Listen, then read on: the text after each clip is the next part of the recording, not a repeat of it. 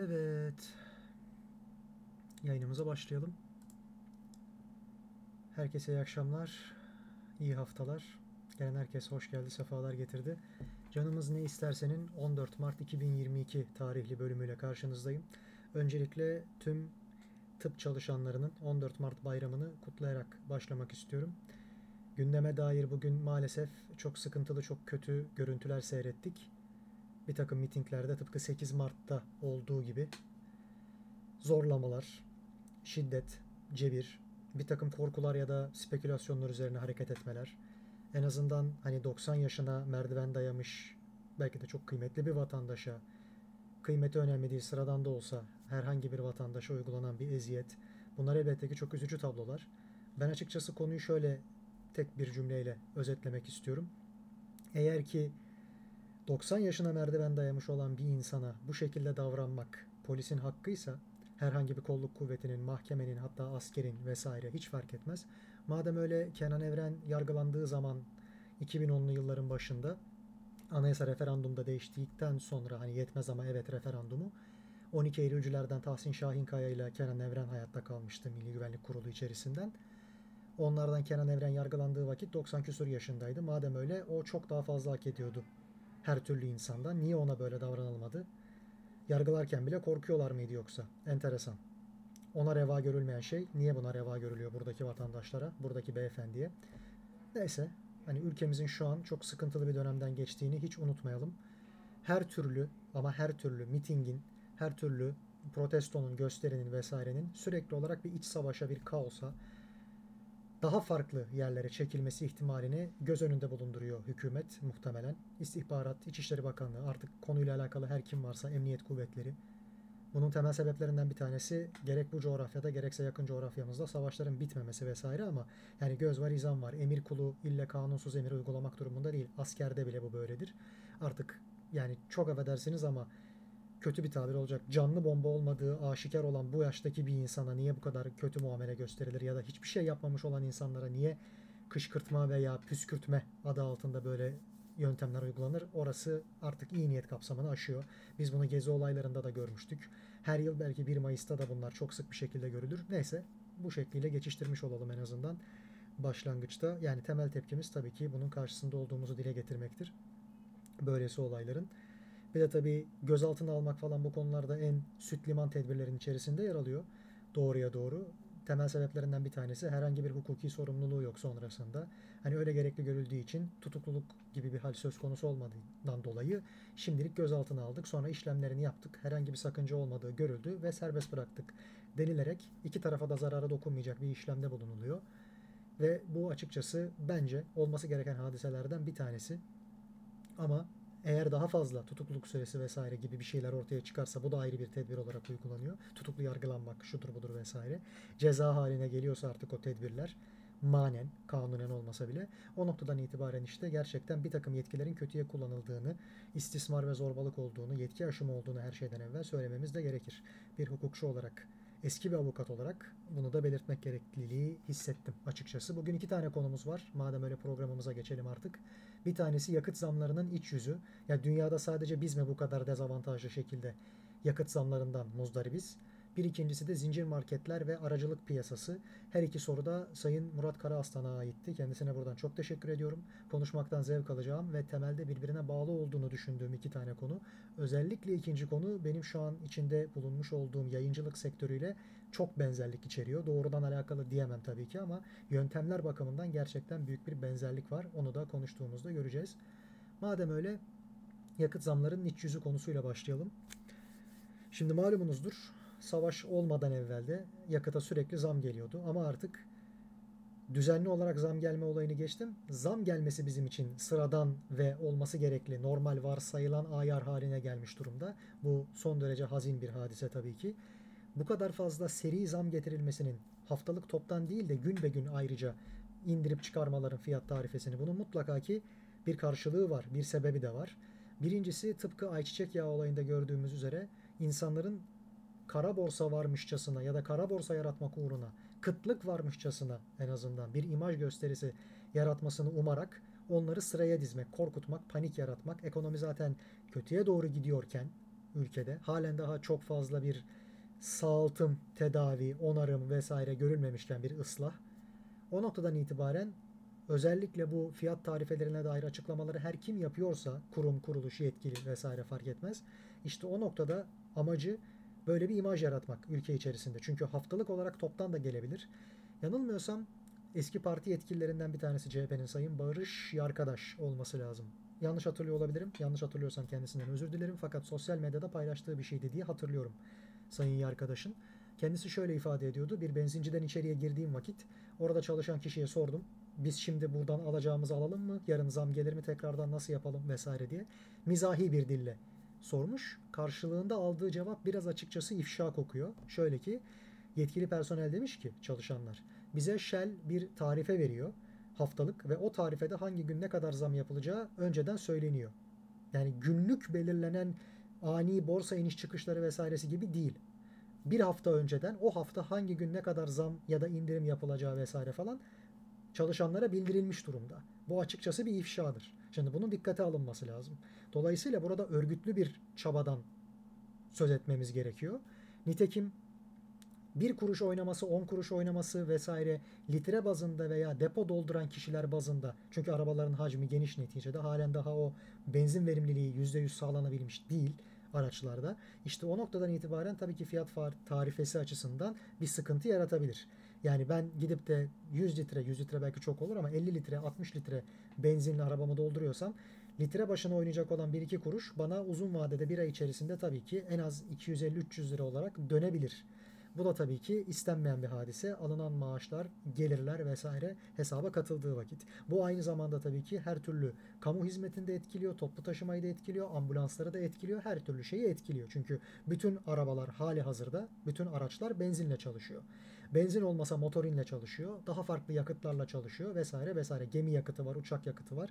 Her türlü şeye aynı anda zam geliyor. Yani biri çıkarken diğeri inmiyor topluca ufak tefek oynamalar var. Bunlar eğer önceden talimatlandırıldıysa bu hafta içerisinde pazartesi, salı, çarşamba şu kadarlıktan arttıracaksınız. Cuma günü şu kadar indireceksiniz. Cumartesi tekrardan bu kadar çıkartılacak deniyorsa bu elbette ki bir kurgudur. Bu bir aynı zamanda da nasıl söyleyelim ülke imajına dair bir sabotajdır. Yaratılmak istenen şey tipik görmüş olduğumuz o ayçiçek yağı veya ilk bu pandemi çıktığı vakit kapatma olacak vesaire her yer hizmet vermeyi bırakacak dendiğinde tıpkı Allah muhafaza bir deprem olmuşçasına insanların süpermarketlere üşüşüp işte Lupo alan beyefendinin oradaki hezeyanı, onunla dalga geçilmesi, acaba gerçekten kıtlıkta mıyız, bir sıkıntı olacak mı, hepimiz depolayalım mı? Bu tarz konular ilk başta hatırlayanlar vardır. 1989-90 dönemindeki bu Körfez Savaşı'nın Türkiye'ye sıçraması ihtimaline karşı dile getirilmişti. Körfez Savaşı bu arada dünya tarihinde canlı yayınlanan ilk savaştır. Bunu Amerikan medyası yapıyordu, İngiliz medyası yapıyordu. Bunun elbette ki sebeplerinden bir tanesi orada gün be gün neler olduğunu izletip ama kendi bakış açılarından, kendi kurguladıkları hikayeler eşliğinde izletip savaşı tamamen kendi anlatıları lehinde diyelim gerekçelendirmekti. Bu şekilde insanların kafasına sokmaktı. Ukrayna Savaşı'nda da şu an aynı şey oluyor vesaire ama işin bu tarafı bir yana bırakılırsa Kıbrıs çıkarması vesaire olduğu zaman işte karartmalar, Uçaklar bizim nerede olduğumuzu göremesin Yunan uçakları vesaire diye. Gece belli bir saatten sonra kıyı bölgelerinde apartmanların elektriğinin yanmaması. Çok fazla yerde elektrik olduğunu iddia edemeyiz o dönemde ama neticede var olanlar mum bile yakamıyor, lamba bile yakamıyor. Savaş hali. Benzer şekilde benim anne babam en azından o dönemlerde aman ha savaş buraya sıçrayabilir diyerek hububat, nişasta, makarna vesaire falan depolamışlar. Ne kadar dayanıklı, uzun ömürlü ürün varsa bozulmayacak, konserveler vesaire hepsini bir şekilde stokluyor insanlar. Burada da savaş çıkmasından ziyade aman bugün kaçırırsak yarın daha da pahalıya alacağız endişesiyle insanlar zaten ekonomik durum kötüyken birden hücum ediyorlar. Hücum ettikleri şeylerin başında da temel gıda maddeleri geliyor. Maalesef de Türkiye bu temel gıda maddelerinin pek çoğunu evet önce ithal ediyor sonra bir kısmını ihraç ediyor ama ithalini diğer ülkelerden pahalıya, ihracını da diğer ülkelerden düşük fiyata yani ucuza yapıyor. Böyle bir sıkıntısı var. Doğrudur. Belli bir kısmını kendisi karşılıyor. Ayçiçek yağı konusunda herhangi bir stok sorunu yok temelde. Fakat bu stokları ellerinde bulunduranların piyasaya neyi ne zaman süreceğine dair bir uyumlu eylem içerisinde olma ihtimali var. Rekabet hukuku bilen arkadaşlar tabii ki bu konuda beni çok daha net anlayacaklardır. Ufak bir açıklama yapayım burada. Eğer sektörde 5-6 tane temel toptancı varsa herhangi bir ürünün tedariği konusunda bu kişilerin kendi zincirleme ticaret unsuru olarak bakalım buna. Bir ağ gibi düşünelim. Baş tedarikçi yahut üretici kendisinin altında bulunan perakende satış mağazasına veya aldığı üreticiye tekel konumunda olsun olmasın hiçbir şey fark etmez. Eğer belli başlı şeyleri iş yapmak adı altında dayatıyorsa bu rekabetin kanunen dikey ya da yatay ihlali anlamına geliyor. Bir de şöyle bir durum var. Bu yatay ya da dikey ihlal için elbette ki elde bir belge olması lazım bunun ispatı açısından. Bir belge yoksa ispat noktasında kurul şuna bakıyor yaptım ama bir sor neden yaptım açısından. Hani perse değil başka türlü bir tabiri vardı bunun. Yani kesin kes yaptığının ispatı yok fakat bir uyumlu eylem söz konusu olabilir. Nedir bu uyumlu eylem? Şu. Bizler şirketler olarak diyelim ki toptancılarız. Aramızda anlaşıyoruz ve diyoruz ki arkadaşlar şu gün şu saatte ve şu fiyattan süreceğiz hepimiz piyasaya bunları. Güzel bir fiyat olması gerekmiyor bunun. Hakkaniyetli bir fiyat olması gerekmiyor. Amacımız ne? Birkaç şey olabilir. Bir, halkı galeyana getirmek. Sanki bir sıkıntı varmış gibi göstermek. İki, var olan sıkıntıları daha da ciddi gösterecek bir imaj yaratmak. Bunu dünya basınına ve iç basına servis etmek. Hükümetin elini zorlaştırmak. Çünkü neticede ekonomi güvene dayalı bir hadise. İlim midir, bilim midir bu tartışılır ama güvene dayalı bir hadise, bir fenomen olduğu kesin.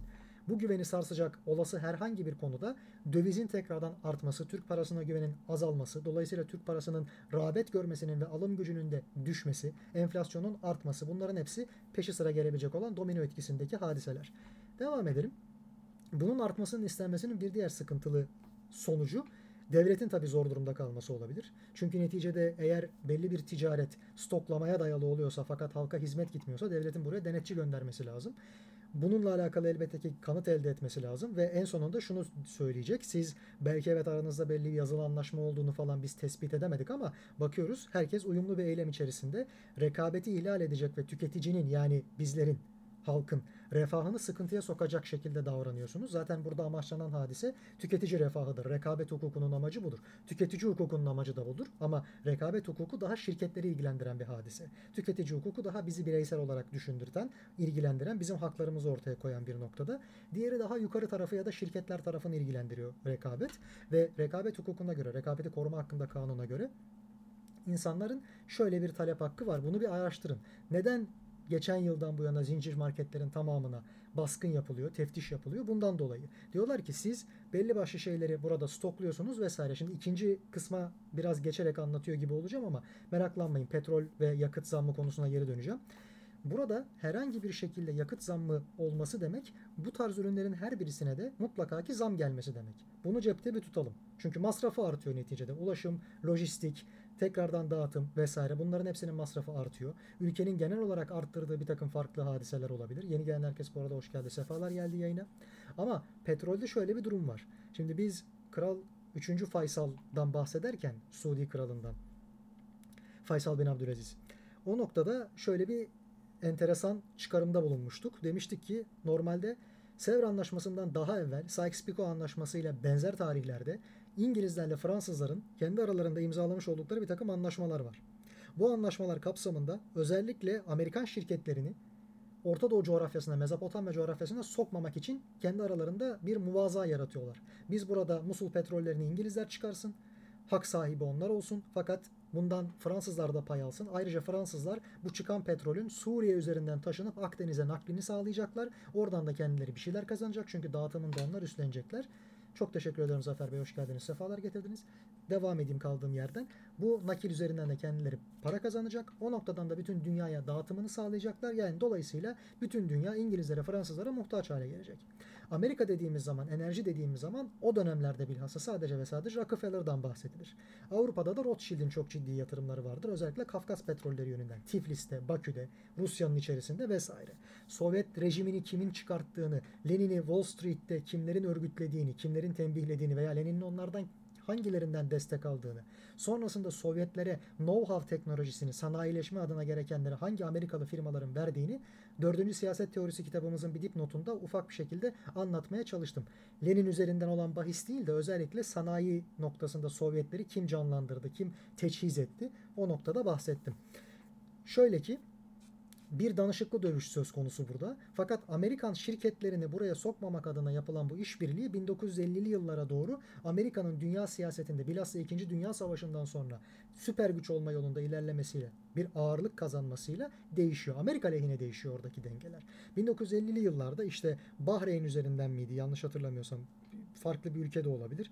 E, Birleşik Arap Emirlikleri üzerinden çok pardon işte Babco, Aramco vesaire şunlar bunlar kuruluyor ve Birleşik Arap Emirlikleri üzerinden Orta Doğu'ya, Orta Doğu coğrafyasına sarkınca Amerika sonrasında Arabistan geliyor, diğer ülkeler geliyor. Arap-İsrail Savaşı'nın sonrasında zaten neredeyse işte Mısır'dan tutun da Lübnan o yörede kaç tane ülke yer alıyor. Onların hemen hemen hepsinin petrolde çıkarım imtiyazını Amerika elde ediyor. Bir tek Irak petrolleri, Musul petrolleri konusunda zaman içerisinde gerçekleşmiş darbeler sebebiyle güç el değiştirmiş. İşte Amerika, Fransa, İtalya bunların pek çoğu Avrupa ülkelerinin pek çoğu Irak'ta Musul petrolleri üzerinde söz sahibiydi. 2003'te Saddam devrildiği zaman devrime sebeplerinden bir tanesi de buydu zaten. Oradaki şirketlerin pek çoğu tasfiye edildi. Saddam yönetimiyle imzalanmış anlaşmalar yönünden bakacak olursak Fransızlar, Almanlar gayet iyi konumdaydı. Fakat İngiliz ve Amerikan şirketleri buraya tabiri caizse çöktü. Çünkü yeni rejimi onlar kurguladılar. Çeteleri orada onlar silahlandırdılar. Ve dolayısıyla buradaki kardan da paylarını almak vesaire bir yana dursun. Hepsini birden ele geçirdiler denilebilir. Dolayısıyla dünya petrol üretiminin ve ihracının hemen hemen %90'ına yakınını vesaire toplamda ellerinde tutmuş oldular bir şekilde. İşin enteresan noktası o zaman Japonya'da en geniş ekonomilerden bir tanesiydi. Çin de öyleydi. Onların tamamı da bu yüzden Amerika'ya veya Amerikan şirketlerine bağımlı hale gelmiş oldu. Ve tabii dünyada bir günde kaç varil, kaç litre vesaire petrol çıkartıldığı konusunda net bir bilgi de olmadığından dolayı dilenen her türlü spekülasyon da gerçekleştirilebiliyordu. Nitekim petrol fiyatları nasılsa biz tröstüz, kartel sayılırız, tekelleşme yolunda ilerliyoruz biz bir şekilde bunu kendi lehimize nasıl kullanabiliriz? Rakipleri çökertmek adına bir vakitler anti parantez içerisinde anlatayım. Osmanlı kendi kağıt ticaretini yapmak için girişimcilerini ürettiği vakit bu girişimciler tabii ki dünya piyasasına kıyasla biraz daha az sermayeli, biraz daha sıkıntılı şartlarda bu işi yapacaklar. Bunu haber alan dünya kağıt sektörü tekelleri veya tröstü diyelim onları batırmak adına fiyat kırıyorlar en ucuza bu işi yaparız diyorlar. Ehven şartlar içerisinde bizimkiler de tabii ki maliyetlerini bile çıkartamadan batırılıyorlar. Batıyorlar.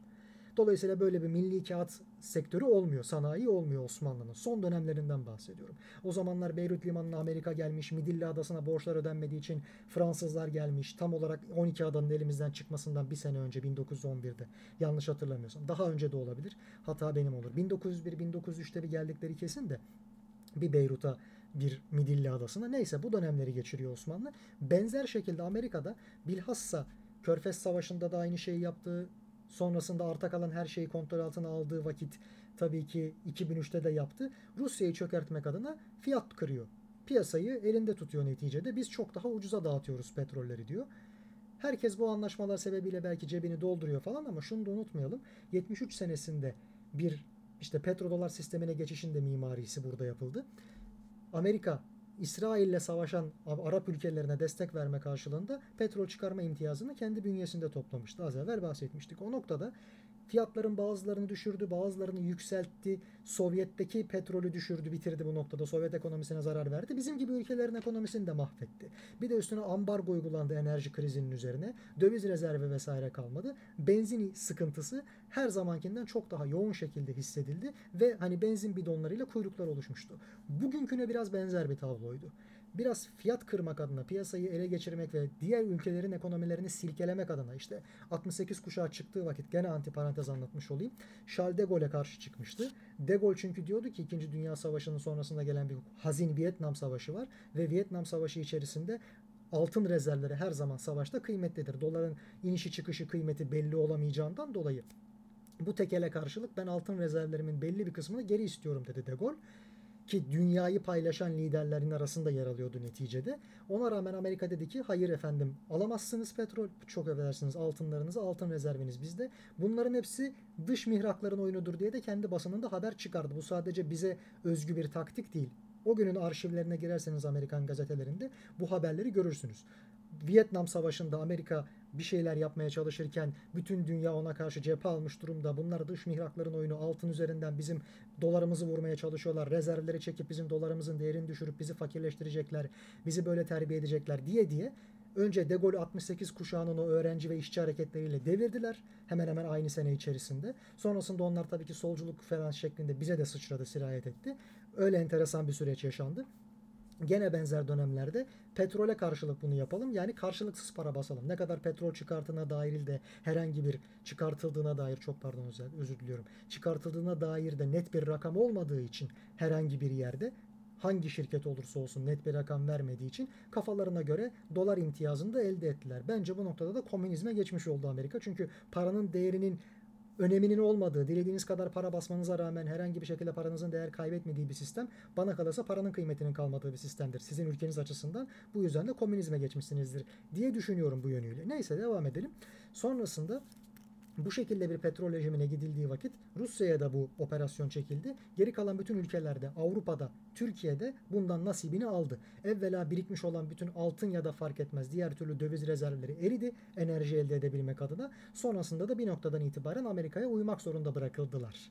Bu arada Amerika deyince neyi kastettiğimi de birazdan açacağım. Şu anki durumu da bundan çok farklı değil açıkçası. Sonrasında özellikle işte bu 2003'ten sonra yapılan ayarlamalar sebebiyle işte Bakü Tiflis Ceyhan boru hattı olacak mı? O bölgede İsrail'in arz-ı mevut vesaire devleti Büyük Orta Doğu projesi kapsamında kurulacak mı neler olacak bunlar hep tartışma konusu haline geldi.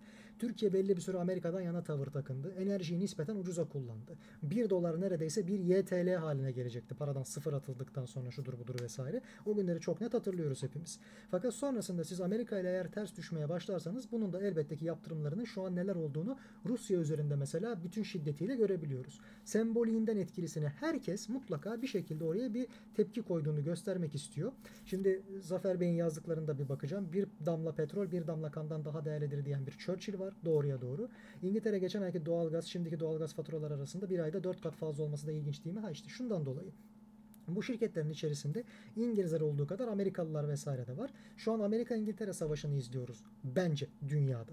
Birkaç tane taraf nedir, nelerden müteşekkildir onları daha evvel Ukrayna-Rusya savaşından bahsederken naçizane dilim döndüğünce anlatmaya çalışmıştım. Kendi fikrim budur diye. Ama temelde Amerika ile İngiltere'nin belli ekollerinin, hakim ekollerinin en azından karşı karşıya geldiğini, İngiltere'nin kendi içerisinde sermayedarlarla yani City of London'la, Londra Bankası ile aynı şekilde Bank of London, Bank of England'la kraliçe tarafının, kraliyet sarayı tarafının karşı karşıya geldiğini, yani küresel sermaye ile yerel yönetimler yahut hanedanların tekrardan karşı karşıya geldiğini vesaire bunları ben açıkçası naçizane söylüyorum, düşünüyorum.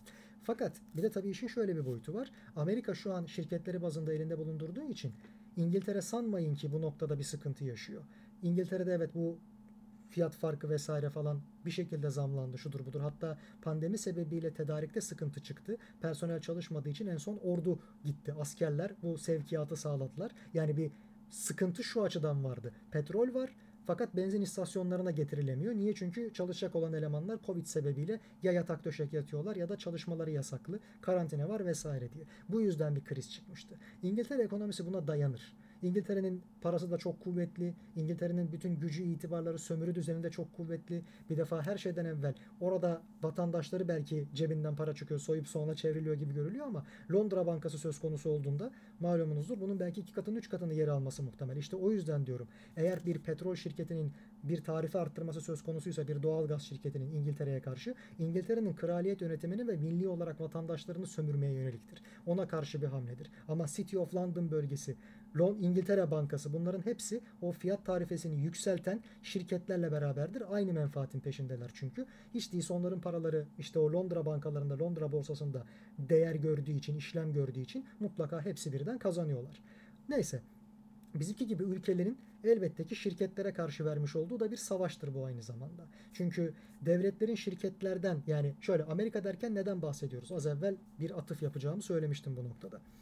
Birincisi Amerika'nın milli şirketlerinin orada olması diye bir şey söz konusu değil. Pek çok özel girişimci işte Standard Oil olabilir, Lukoil olabilir, Gazprom var malumunuzdur eskiden tamamen Rusya devletine aitti sonra özelleştirildi sonra belli bir kısmını devlet geri aldı. Şu an ne kadar özel ne kadar devlete ait vesaire devlete ait olsa bile kontrolü ne kadar devletin elinde vesaire bunların hepsi tartışma konusu ama temelde böyle bir teorem üzerinden devam edeceğiz.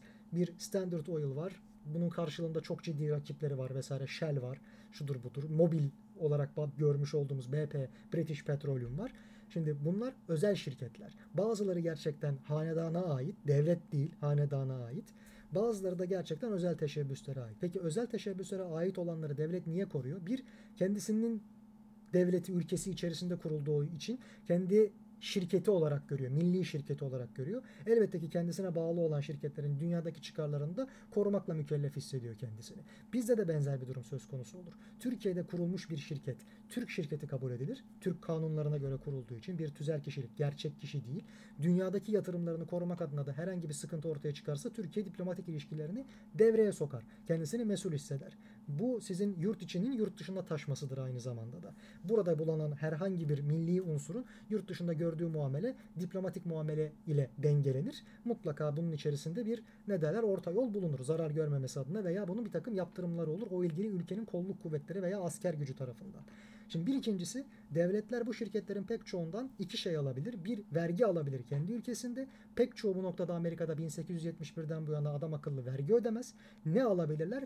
Devlete buraya biraz hisse verebilirler. Bunun pek çoğu açıkçası ya pek çok şirkette bu uygulama var ya gizli ortak olarak ya gerçekten var olduğu şekilde merkez bankalarında şurada burada olduğu gibi ortaklık ilişkileri burada da devletin belli bir şekilde düşük de olsa bir hissesi olabilir. Yani devletin ekstradan bir menfaati var. Vergide de aynı durum söz konusu. Vatandaşlarına aktaracağı türden bir kaynak geliştiriyor burada. İlgili Amerikan şirketinin orada düzenlemiş olduğu faaliyetler, ticari faaliyetler neticesinde. Bir üçüncüsü şu olabilir. Diyelim ki hiçbirini almıyor veya hepsini birden alıyor. Fark etmez. Bir de üzerine kendi vatandaşına ucuza bu yak akaryakıtı veya petrolü vesaireyi, enerji kaynaklarını sunma imkanını elde eder. O şirketleri destekleyerek. Bu bir işbirliğidir. Amerika'da bu özellikle alıp başını giden özel sermaye sebebiyle 1929 buhranı çıktıktan sonra Roosevelt'in New Deal'ı yani yeni mutabakat, yeni iş, yeni anlaşma artık nasıl Türkçe'ye çevirisi birkaç farklı çeşit olduğundan dolayı ben yeni mutabakat olarak adlandırmayı tercih ediyorum. Bu noktada şöyle bir durum ortaya çıkmıştı. Onu da antiparantez anlatalım. Çok ufak bir şekilde değinmiş olalım. Yeni gelen herkes bu arada hoş geldi, sefalar getirdi. Birincisi o dönemde Amerika'da çıkan büyük buhranın sebebi çok fazla tüketilecek ürün var. Fakat kapitalizm dediğiniz sermayeyi işçinin, çalışanın emeğinden ve ona dair ödenecek olan ücretten kısarak çoğalttığından dolayı yani emeği kısıyor, işçinin emeğini kısıyor. Bu sayede kendi sermayesini çoğaltıyor. Fakat işin kötü noktası şu. Sonrasında ürettiği ürünü gidip o parasını kısmış olduğu daha fakir bıraktığı kişiye satacak. Ülkenin vatandaşı o çünkü aynı zamanda. Böyle bir açmaza sahipti. Ne yaptılar? 29'da üretilecek çok fazla ürün vardı fakat bunu tüketebilecek kudrete sahip insan yoktu. O zamanlar kredi veya kredi kartı yöntemi geri dönüşü garanti görülsün diye sadece büyük ölçekli firmalara veriliyordu. O noktadan itibaren iki sistem çıktı. Bir, düşük miktarlı mikro kredi vermeye de başlayalım vatandaşlara. ihtiyaç kredisi gibi şu an bizde olduğu üzere. Tüketici kredisi gibi. Bir ikincisi de kredi kartını çıkartalım. Yani paran kadar harca değil, kredin kadar harca, kredin kadar güçlüsün. O noktada zaten 1929'dan sonra bu buhran çıktığı için dedi ki Roosevelt siz iki şey yapacaksınız. Bir, dünyaya daha çok açılacaksınız. Oradaki pazarlara bunu satacaksınız elde ettiğiniz ürünlerin daha fazla katsayıya çıkarmanın yöntemlerinden bir tanesi bu. Çünkü siz her yıl kar edebilmek için yerinizde saymaktansa hiç değilse enflasyon oranında büyümek isteyeceksiniz. Şartlarından bir tanesi bu serbest piyasanın. Servetinizin erimemesi için paranızın alım gücünün enflasyon yüzünden değer kaybetmemesi adına siz bir o kadar daha kar etmek isteyeceksinizdir. Peki daha fazla ürün isteyeceğinizi üretmek açısından hesaba da katıyoruz. İyi ama bir benim nüfusum o kadar hızlı bir şekilde artmıyor. İki bir tane alanın ikincisini almayı hissedeceği türden ihtiyaç ürünleri değil bunların pek çoğu. O yüzden adı tüketim mamulleri. Tüketim toplumu adı açısından bakarsak. Gerekli gereksiz pek çok şey alınabilir fakat gıda, giyim vesaire gibi temel ihtiyaç kapsamına giren hadiseler değilse veya enerji belli noktada belli kadar alınır. Öyle söyleyeyim. Belli katsayıda alınır, belli adette alınır ve belli aralıklarla alınır. Her sene tekrardan bir şeye ihtiyaç duyulup duyulmadığı bir temel ihtiyaç olması iki ihtiyaç haline getirilmesiyle alakalı. Biz normalde gene bunu da antiparantez içerisinde anlatmış olalım. Her sene telefon değiştirmeye, her sene araba değiştirmeye, ev değiştirmeye vesaire falan her dakika üstümüzdeki kıyafetleri yenilemeye mecbur değiliz neticede. Fakat bunu bir ihtiyaç haline getiriyorsa eğer sistem, bir imaj vesaire çalışması, bir hava atma, cakas atma gibi o noktadan itibaren siz bunu yaparak bir ihtiyacı giderdiğinizi düşünerek harcama yaparsınız. Bu buna hizmet eder. Eğer bu durumu Amerikan toplumunda yayabilirseniz evet sizin elinizdeki üründen hemen bir ikincisini veya yeni gelişmiş modelini sanki buna sahip olmak en kritik ihtiyaçmış gibi algılatabilirseniz doğru bir tüketim toplumu ortaya çıkar. Ama bunu yapmaktansa siz dünya pazarına açılın. Patent diye bir şey çıkardım ben. Patent bürosu diye bir şey de yarattım. Bunların hakları marka patent bürosu yani. Bunların hakları şu an sadece sizin kullanımınıza müsait. Siz izin vermediğiniz sürece dünyanın hiçbir yerinde kullanılamayacak. Bunun bekçisi de benim silahlı kuvvetlerimdir. Herhangi bir yerde sizden izinsiz bunların kullanıldığını, taklit edildiğini vesaire falan düşünürseniz bana haber verin. Ben o ülkede gereken şeyin icabına bakarım der. Patent bu işe yarar. Amerika'nın güzel noktalarından bir tanesi bu kendi ekonomisi açısından. Patenti bulmuş adamlar. Hak sahipliği diye bir şey yaratmışlar sıfırdan.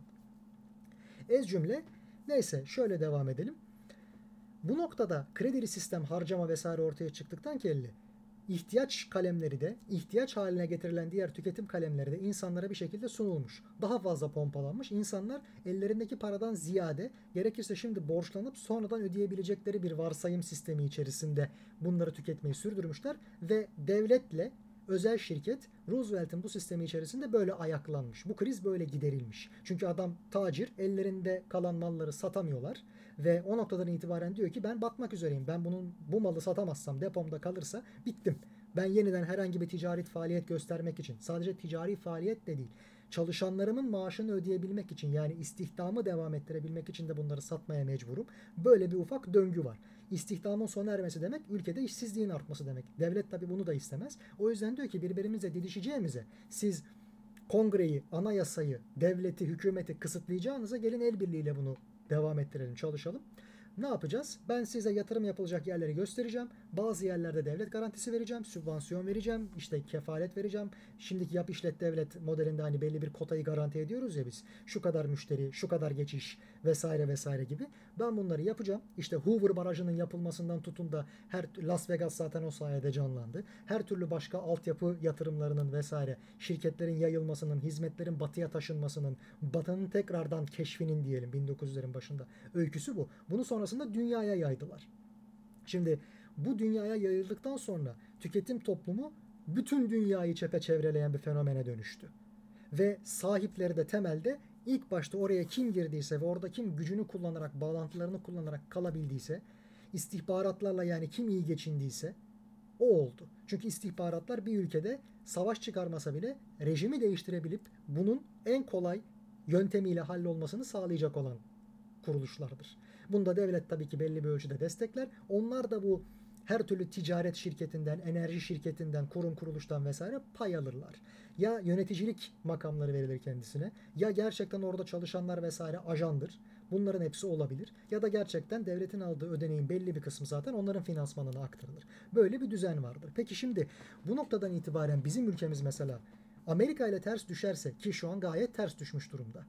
O noktadan itibaren diğer ülkelere kıyasla daha ucuz veya onlarla illa aynı şartlarda alması normal bir beklenti olur mu? Bu bir soru işareti. Yani bu işin sahipleri demek Amerikan şirketleri, o an Amerika'da kurulmuş olduğu için Amerikan diye bellediğimiz şirketler. Aynı zamanda onların menfaatlerini koruyan ve irili ufaklı da olsa kendisinin de buradan mali, maddi manevi her şekilde bir çıkarı olan bir Amerika devleti var. Tabii ki burada söz sahibi ve siz bu sıkıntılar içerisinde zaten bütün ekonomilere bu dayatılırken 60'ların sonu 70'lerin başındaki enerji krizinde olduğu gibi ellerindeki bütün birikmiş servet, rezervler vesaire eritilmek istenirken bir de üstüne Amerika ile zıtlaşıyorsanız elbette diğerlerine bile kıyasla daha da pahalıya alacaksınızdır. Ama az evvel konuşmanın başında değindiğim üzere bu bir talimat üzerine geliyorsa, Shell çalışanlarına böyle bir talimat veriliyorsa o noktadan itibaren insanların şunu düşünmesi lazım. Ya zaten bu bir oyun. Bu bir kurgu. Bizim istiyorlar ki nasılsa yarın daha da pahalıya alacağız. Yani daha az alabileceğiz. Ama bu bir temel ihtiyaç. Sürekli benzine, sürekli yağ, şuna buna vesaire ihtiyacımız olacak. Aman kalmayacak. Tıpkı işte Cem Yılmaz bunun çok şakasını yapıyordu şovlarında. Açık büfeye saldıran tatilci modeli gibi düşünelim. Türk tatilci modeli gibi. Hepsini bitecek bitecek korkusuyla bir araya toplayalım. Gerekirse sonra yemeyelim, çöpe atalım, paketleyip odaya götürelim vesaire fark etmez. Muhtaç kalmayalım. Bizim ülkemiz muhtaciyetlerden çok çekmiş bir ülke. Şu an halen daha 70'lerde bu sıkıntıları, kuyrukları vesaire yaşamış vatandaşlarımız hayatta. Benim ailemde böyle çok fert var. 80'lerde bazı kota kısıntıları yüzünden bir şeyleri elde edememişler var. Yani zoru yokluğu görmüşler var. Fakat şimdi toplumumuz tasarruf toplumuydu. Niye tasarruf toplumuydu? Çünkü zaten tüketilecek mal sayısı çok fazla değildi. 90'ların ortasına kadar böyle çok gerçekten de her evde mutlaka lazım. Birbirimize sidik yarıştıralım affedersiniz. Rekabete girelim. Dedirtecek türden üretim ve tüketim kalemleri söz konusu değildi. Sonradan Amerikanlaşmaya başladıkça o ekol, McDonald's ekolü buraya yerleştikçe gerçekten de insanların ihtiyaç olarak görmekten hoşlandığı, böyle görmeye başladığı bir takım ürünler söz konusu oldu. Mesela ilk Starbucks, ilk Marks Spencer ben ortaokula giderken açıldı Türkiye'de. Ve herkes önünde kuyruk oluyordu ki bunlar Amerika'nın en vasat markalarıdır. Vasatı burada kötü anlamda kullanıyorum. En orta karar, en orta düzeye hitap eden markalarıdır. Biz mal bulmuş mağribi gibi özentilikten, görmemişlikten, aşağılık kompleksinden belki oraya bir saldırdık. Herkes oraya ne var diye görmeye gitti. 80'in başında yanılmıyorsam McDonald's geldiğinde de durum böyleydi. Artık hangi tarihte geldiğini ben şu an hatırlamıyorum ama ilk geldiğinde babam anlatıyordu bana mesela. Buradan kendisine selamlar dinliyorsa da hoş gelmiş, sefalar getirmiş.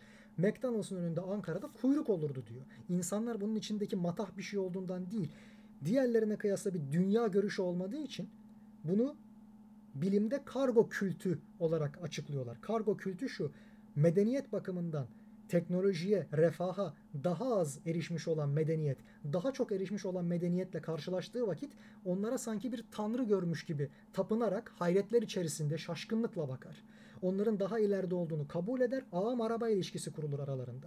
Ve bu kültürel bir travmadır onlar için. Bunu atlatana kadar mutlaka ki bir takım sıkıntılar yaşarlar, kimlik bunalımları yaşarlar. Bunu işte aborjinler yaşar, Afrika halkı yaşar, Asya halklarından bir tanesine bu Amerika tarafından uygulandığı zaman zaten bu böyle bir şekilde gerçekleşmiş. Tabir olarak da literatüre böyle girmiş. Kargo kültü olarak. Bizde de bu bir şekilde söz konusuydu. O noktadan sonra bizim toplumumuz hele bir de bu AK Parti iktidarının başlarında 2001 ekonomik krizi atlatılınca IMF reçeteleriyle ki krizin sebebi de IMF'ydi. 99'da özellikle uygulanan politikalar daha önce Kotarelli vardı sürekli olarak gelip giden bu tarafa. Onun elindeydi neredeyse Türk ekonomisi. O noktadan sonra Türkler yiyecek ekmek bulamazken bir noktadan itibaren lüks telefonlar tüketmeye, lüks mallar giyinmeye, yurt dışına gezmeye, açılabilmeye vesaire falan başlayınca dünya görüşleri ve standart olarak bildikleri temel yaşam düzeyi değişti. Değişti ve gelişti. Zaten şu an dünya vatandaşlığı ve küreselleşme diye bir şey varsa böyle de olması lazımdı. Fakat bu iki şeyi beraberinde getirdi. Bir, yerli ve milli değerlere sırtınızı dönüyorsunuz. Bunlar bunlar havalı şeyler değil, karizmatik değil diye. Çok güzel bir Hollywood illüzyonudur bu. Amerikan tüketim toplumu içerisinde vardır.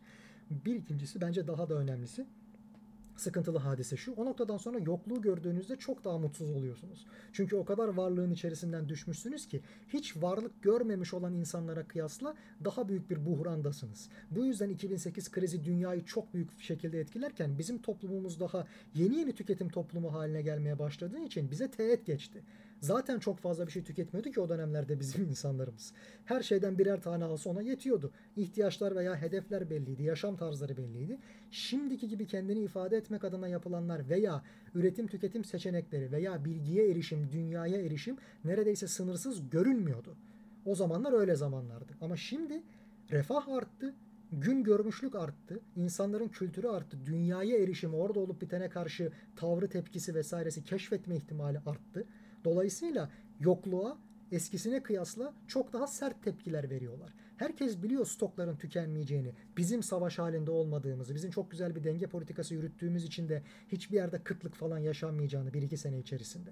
Fakat bu niye yapılıyor? Ben bir tarafta iPhone'dan, bir tarafta lüks ihtiyaç artık her neyse yeni arabamdan, yeni dairemden kısmayayım. Diğer yandan da karnımı aynı kalitede doyurmaya devam edebileyim diye bu oluyor. Yani insanların oraya üşüşmesinin sebebi bir gerçekten geçim darlığı içerisinde olanlar var. Onlar bir tarafa ayrılıyor. Onları kesinlikle zaten buraya dahil etmiyorum. Fakirlik fakirliktir. Ona denecek bir şey yok. Fakat fakirliğin içerisinde bile fakirlik standardı olarak şunu düşünmek lazım. Neyi tüketemiyorsan o aldığın parayla, neyi satın, satın alamıyorsan fakirsin. O yüzden zaten insanlarda hep şu tuhaf beklenti var. Asgari ücret acaba yoksulluk standartının altında mı kalıyor üstünde mi kalıyor? Yani bilmem kaç kişilik bir ailenin geçim masrafı aylık şu kadar. Ama bunlar da en temel gıda maddeleri. Sonrasında lüks tüketime falan ürün vesaire bir şey kalmıyor derken biz asgari ücretten hep daha fazla bir rakam bulmuyor muyuz? Buluyoruz. Dolayısıyla insanca yaşamak demek eskisine kıyasla yani asgari ücretle arasındaki farkın giderek açılması o anlama geliyor. İnsanca yaşamak kazandığımız asgari ücretten daha pahalıya mal oluyor. Özeti bu. Hal böyleyken insanlar tabii ki mutsuz oluyorlar. Ben çok çalışıyorum, az para kazanıyorum. Belki eskiden bir kişi işçiyken, asgari ücretle çalışırken dört kişilik bir aileyi geçindirebiliyordu. En azından karınları tok oluyordu. Çok lüks tüketemeseler bile. Çünkü lüks tüketim diye bir şey yoktu. Onların fıtratında. Yani en azından ufkunu oraya dikiyor, dikiyorsa insan bile elde edebileceği şeylerin bir sınırı vardı temelde. Pahalıydı, ucuzdu bu başka bir konu. Adedi sınırlıydı. Şimdi hem pahalı hem de çok adet. İnanılmaz alternatif var. inanılmaz seçenek var. Hepsine birden insanın gözünü dikmişliği söz konusu. Kendini teçhizatlandırıyor. Ondan da olsun, o da olsun, bu da olsun. Ben mesela şu kitabı da alayım, daha da fazlasını alayım derdine düşebiliyorsam, bir tanesiyle yetinmeyip bütün kaynaklara gözümü dikiyorsam o noktada bu da açıkçası benzer bir tüketim kültürünün getirdiği bir hadisedir.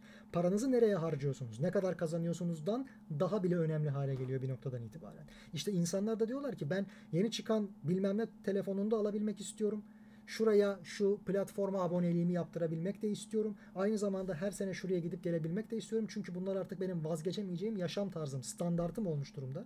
Mutsuz olmamak adına bu ülkede zaten hayallerim gerçekleşmezken, önümü göremezken bari bunlardan fedakarlık etmek zorunda kalmayayım. Bunlardan mahrum kalmayayım diyen insan üstüne bir de gıda maddelerine zam geldiği vakit en temel tüketim maddeleri oraya iyice hücum ediyor ki bari buradan bir şekilde tırtıklayayım ucuza kapatayım. Bunlar dediğim gibi fakir halktan farklı. Orta sınıf için konuşabiliriz bunu. Fakir halkın gerçekten de bir fakirliği varsa vardır. Bu geçim kaygısı, çocukların ihtiyaçlarına vesaire cevap ki o çocukların pek çoğu da zaten gözünü işte Kapıcılar Kralı filminde işte Alman çikolatası isteyen kapıcı kızcağızın babasından aldığı tepkiyi hepimiz hatırlarız. Bunlarla mı büyüyeceksin, sosyete mi oldunuz vesaire gibi. Öyle bir dram da var. Niye benim çocuğum en kalitelisini kullanamasın diye tabii ki bir sıkıntı çekiyor oradaki ebeveyn de. En kalitelisini yapmak ister, sevdiklerine en iyi şekilde bakmak ister vesaire. Ama elinden gelmiyor. Ahlak bunalımı başlayabilir. Çalma, çırpma, bunu kendisine hak görme, yap, yaptığı şeyi ayıplamama kendi içerisinde, vicdan azabı çekmeme. En büyük ahlak bunalımı bu mecburiyetler kesbetti açısından neyin mecburiyet olduğuna dair tanımın değişmesi burada söz konusu. Ben çocuğuma şunu alamıyorsam bir zamanlar İbrahim Tatlıses'in filminde bu blok flüttü ama yanındaki kadeh rakısını içerken bunu söylüyordu. Bir kadeh rakı blok flütten daha pahalıdır her zaman. Neyse benzer şekilde şimdiki ihtiyaçlar daha değişti. Şimdi ben çocuğuma akıllı telefon alamayacak mıyım diye kahreden insanlar ortaya çıkabiliyor. Akıllı telefon nasıl bir ihtiyaç? Ama çocuk bunu isteyince bu bir ihtiyaç haline geliyor. İşte çocuğa onu istetmek Amerika'nın başarısı olabilir. Emperyal kuvvet her kimse o markayı üreten Çinli ise Çinli, Amerikalı ise Amerikalı, küresel sermaye ise küresel sermaye. Onun başarısı bize bunu istetmek. Ama aynı şekilde bir de insanların lüksünün yanı sıra bir ihtiyacı da var. O ihtiyaç da kendi geçimini sağlamak, karnını doyurmak, emniyetini sağlamak vesaire gibi. Bunların içerisinde temel gıda maddeleri var. Bizim ülkemizde giderek zaten fiyatı arttı. Belli bir noktasını biz kendimiz karşılayamaz hale geldik. Derhal bu konudaki tedbirlerin alınması lazım zaten. Herkes bas bas bağırıyor. Mantıken de tarımın kar etmesi beklenmez. Tarım her devlet tarafından sübvanse edilir ki aç kalmasın o devlet diye. Hatta Hollanda olmayan arazisini sıfırdan bizzat doldurarak, doldurma arazi şeklinde yaratarak onu tarıma elverişli hale getirmiştir. O noktada dünyanın tarım devlerinden bir tanesi olmuştur. Yüzyılın başında. Bunlar yani bütün tarihi açıp okuduğunuz zaman karşılaşabileceğiniz hadiseler. Bu insanlar geri zekalı değiller bu yatırımı yaparak. Bir defa aç kalmıyorlar. Nasıl ki Rusya'nın elinde şu an İsrail'in, İran'ın veya Birleşik Arap Emirlikleri coğrafyasının sahip olduğundan çok daha fazla sayıda hacim bakımından ve çok daha belki de güç unsuru olarak kullanmaya meyilli bir doğal gaz rezervi var. Ve buna dair yaptırımlar belli bir kertede durmak zorunda. Hani şu şunu yapıyoruz, Swift'ten bunu çıkartıyoruz ama doğal gazla alakalı konular hariç. Niye? E çünkü o hepimizin ihtiyacı. Geri kalan konularda Swift'ten çıkartalım mesela. Şimdi böyle bir ikiyüzlülük var. Aynı şekilde tarım da böyle. Yani bizim bilmem kime domates satıp buradan havuç almamız bunların hepsi konuşulacak komik konular gibi görünüyor. Tanzim satışlar şunlar bunlar ama enerji dağıtım şirketlerinde de aynı durum söz konusu. Hükümetin belli bir dönem belki standartlarını yükseltebilmek, bir an evvel vatandaşa hizmet getirmek, çağ atlamak adına özel döneminde olduğu gibi Belki de sıcak parayı hemen gelecek olan nakit parayı çok fazla önemsediği için uzun vadeli kendini ve vatandaşını tabii ki daha fazla borç yükü altına sokacak işlemlere girdiğini görüyoruz. Yap işlet devletlerden pek çoğu yap işlet defnet haline gelmiş durumda bu yüzden. Güzel hizmet tabii ki lazım ama avantajlı şartlarda, ehven şartlarda yapılmıyor. Fizibilitesi doğru düzgün değil. Barış Bey katkınız için çok teşekkür ediyorum. 80'lerin sonunda McDonald's görmüşüm şu an. Evet, tamamdır. Onu da belirtmiş olalım. Devam edelim. Bunların ehven şartlarda yapılabilmesini sağlamak adına belki tekrardan revize edilecek o sözleşmeler vesaire ama şimdi savaş halindesiniz. Zaten her türlü şeye zam gelir. Dünyayı ilgilendiren bir savaş. Bir ikincisi zaten belki de sadece bu yüzden bu savaş çıkartıldı. Bunu da görmemiz lazım. NATO kendisine varlık sebebi edindi. Rusya kendi para birimini tekrardan farklı bir şekilde farklı bir noktaya sokuyor. İnanılmaz bir biçimde canlandırma meraklısı sanayisini vesaire şunu bunu. Belki Kiev'i de alırsa benim teorim o artık en sonunda Avrupa Birliği'ne girecek. Çünkü NATO'ya karşı Avrupa ordusu oluşturmanın en kestirme yolu Rusya'nın ordu gücünden, sanayi gücünden ve tabii ki enerji gücünden faydalanmaktan geçiyor. Rusya da bu sayede kalıcı bir ekonomik kaliteye ve güce sahip olacak. AB ekonomisi üzerinden. Buyurun size tekrardan müthiş bir enfes pakt. NATO'ya karşı Avrupa'nın sessiz kalma zorunluluğunu ortadan kaldıran bir pakt. Fransa'nın vesaire falan en çok istediği hadiselerden bir tanesi de buydu. Macron bunu söylemişti. Beğenelim ya da beğenmeyelim. Böyle bir ifade vardı. Böyle bir dünya var. Silah satan şirketler zengin oluyor. Petrol satan şirketler zengin oluyor. Şimdi biz bir de üstüne iki sıkıntı çekiyoruz. Bir, hem bütün dünya zaten bunu daha pahalıya almaya başladı. Devletlerin sermayeleri sömürülüyor, rezervleri sömürülüyor. Vatandaşların aynı zamanda ceplerinde birikenler sömürülüyor sıfır noktasına doğru getirmeye çalışıyorlar ki kazanımları kalmasın biz onları tekrardan sıfırdan borçlandırarak daha da fazla sömürelim. Bu bir resetleme olayı gibi düşünelim bunu. 70'lerin ortasında petrodolar sistemine geçişle vesaire olduğu gibi. Bir ikincisi belki daha da sıkıntılısı aynı zamanda döviz yükseliyor bizim ülkemizde. Yani savaşı Rusya ile Ukrayna veriyor. Bizim para birimimiz onlarınkinden halen daha daha fazla değer kaybediyor temelde. Bu elbette ki dışarıdan çok büyük bir operasyon yapıldığının kanıtı. Biz çok iyi yönetiyoruz vesaire demek değil bu. Bizim ülkemizin de elbette ki ekonomiyi yönetmekte birileriyle danışıklı dövüş yaparak, birilerini daha da fazla zenginleştirerek, doyurmaya çalışarak. Bu da tabii ki belli bir istihbarat dayalı plan proje dahilinde oluyordur. O şirketler zenginleşip dolar milyarderi haline geldiğinde dünyada yatırım yapacaklar. Amerikan şirketleriyle beraber onlar da hüküm sürecek vesaire vesaire de vatandaş nasıl bundan güzel bir şekilde çıkarım sağlayacak. İşte o şirketler gelecekler buraya. Az evvel bahsettiğim üzere ya devlete vergi verecekler ya devlet bunların hissesine sahip olacak ya da vatandaşına çok daha ucuz akaryakıt teminini sağlayabilecek bu şekilde. Hesap bu. Bu yüzden bu anlaşmaların pek çoğu, bu ekonominin pek çoğu zenginleri daha da zengin kılmak üzerine. Yöntem olarak Amerika ile aynı şeyi benimsemiş durumda ehven şartlarda yapılmamasının temel sebebi bu. Enerji anlaşmalarının, petrol anlaşmalarının vesaire. Ha bir de üzerine maalesef ve maalesef biz yani böyle bir danışıklı dövüşün içerisinde bizim zenginlerimiz ve bizim belki de hükümet erkanı diyebileceğimiz kimseler arasında böyle bir durum söz konusuyken yani bence ekonomi bu açıdan kötü yönetiliyorken farklı bir ideal uğruna vatandaş sıkıntıya sokuluyorken belki kasten belki sehven bir ikincisi bir de üstüne dışarıdan da buna karşılık bir operasyon çekiliyor. Yani bu konuda zaten bir fakirleşildiği yetmezmiş gibi vatandaş tarafından bir de üstüne inadına dış müdahalelerle daha da fakirleşiyoruz. O yüzden bütün dünyaya kıyasla biz daha da pahalıya alır durumdayız bazı şeyleri. Onlar özellikle operasyon çekilmesi sebebiyle zaten pahalıya alıyor. Bir, iki zaten biz bir de para birimimiz bu tarz şeyler yüzünden değer kaybettiği için daha daha pahalıya alıyoruz. Üstüne üstlük kötü yönetip gelir adaleti, gelir bölüşümü adaleti en azından sağlayamıyoruz. E, hal böyleyken de insanların tabii ki tepkisi daha da fazla artıyor. Çünkü hayat pahalılığı diğer ülkelere kıyasla daha da beter hissediliyor. Ha şunu unutmayalım. Pandemi ilk çıktığı zaman İngiltere'de, Almanya'da yaşanan vatandaş olayları, halk olayları bizim burada görülenlere kıyasla çok daha vandaldı. Çok daha barbarcaydı. Çok daha sıkıntılıydı. Tuvalet kağıdı için orada insanlar birbirlerini yediler İngiltere'de. Biz bunları gördük. Almanya'da çok ciddi sokak eylemleri oldu hükümeti istifaya çağıran. Niye? Orada 1 euro bile artsa, bilmem ne kadar bile artsa Fransa'da da aynı şekilde halk bu hakkını savunmayı öğrenmiş, parayı her şeyin önünde tutuyor. Gidiyor oraya diyor ki ver bana paramı geri ey hükümet istifa. Olaylar çıkıyor. İşte bizde buradaki mitinglerde vesaire olduğu gibi dayaklar, coplar, şunlar bunlar vesaire. Buraya özgü bir şey değil bu. Orada da oldu bu. Ve oradaki insanların aslında refahları sıkıntıya düştüğü zaman ne kadar medeniyetsiz oldukları da görüldü. Buradakiler de maalesef ve maalesef sırf bu saydığımız sebeplerden ötürü fakirleri tabii ki bir tarafa ayırıyorum. Gerçekten acziyet içerisinde olanları ve gerçekten bir kuruşun hesabını yapmak zorunda olanları. O başka bir konu. Onlara da Allah yardımcı olsun. Gerçekten. Gerçekten yardımcısı olsun. Çok sıkıntılı dönemler. Ama aynı zamanda da geri kalan insanların lüksünden kısmamak adına orada kendini bozarcasına, salon insanı çizgisinden diyelim kayarcasına, dışarıda hava atarken orada belhum adal gibi insanın en sıkıntılı beşer versiyonu gibi davranmaktan çekinmemesine hayret etmek gerekiyor. Yani bir yerde hayret etmiyoruz ama en azından ayıplamak icap ediyor. Ya bir durun bir sakin olun. Maalesef kıtlık para kıtlığı, stok kıtlığı değil. Şimdi aldığımızı yarın daha ucuza alamayacağız sıkıntısı.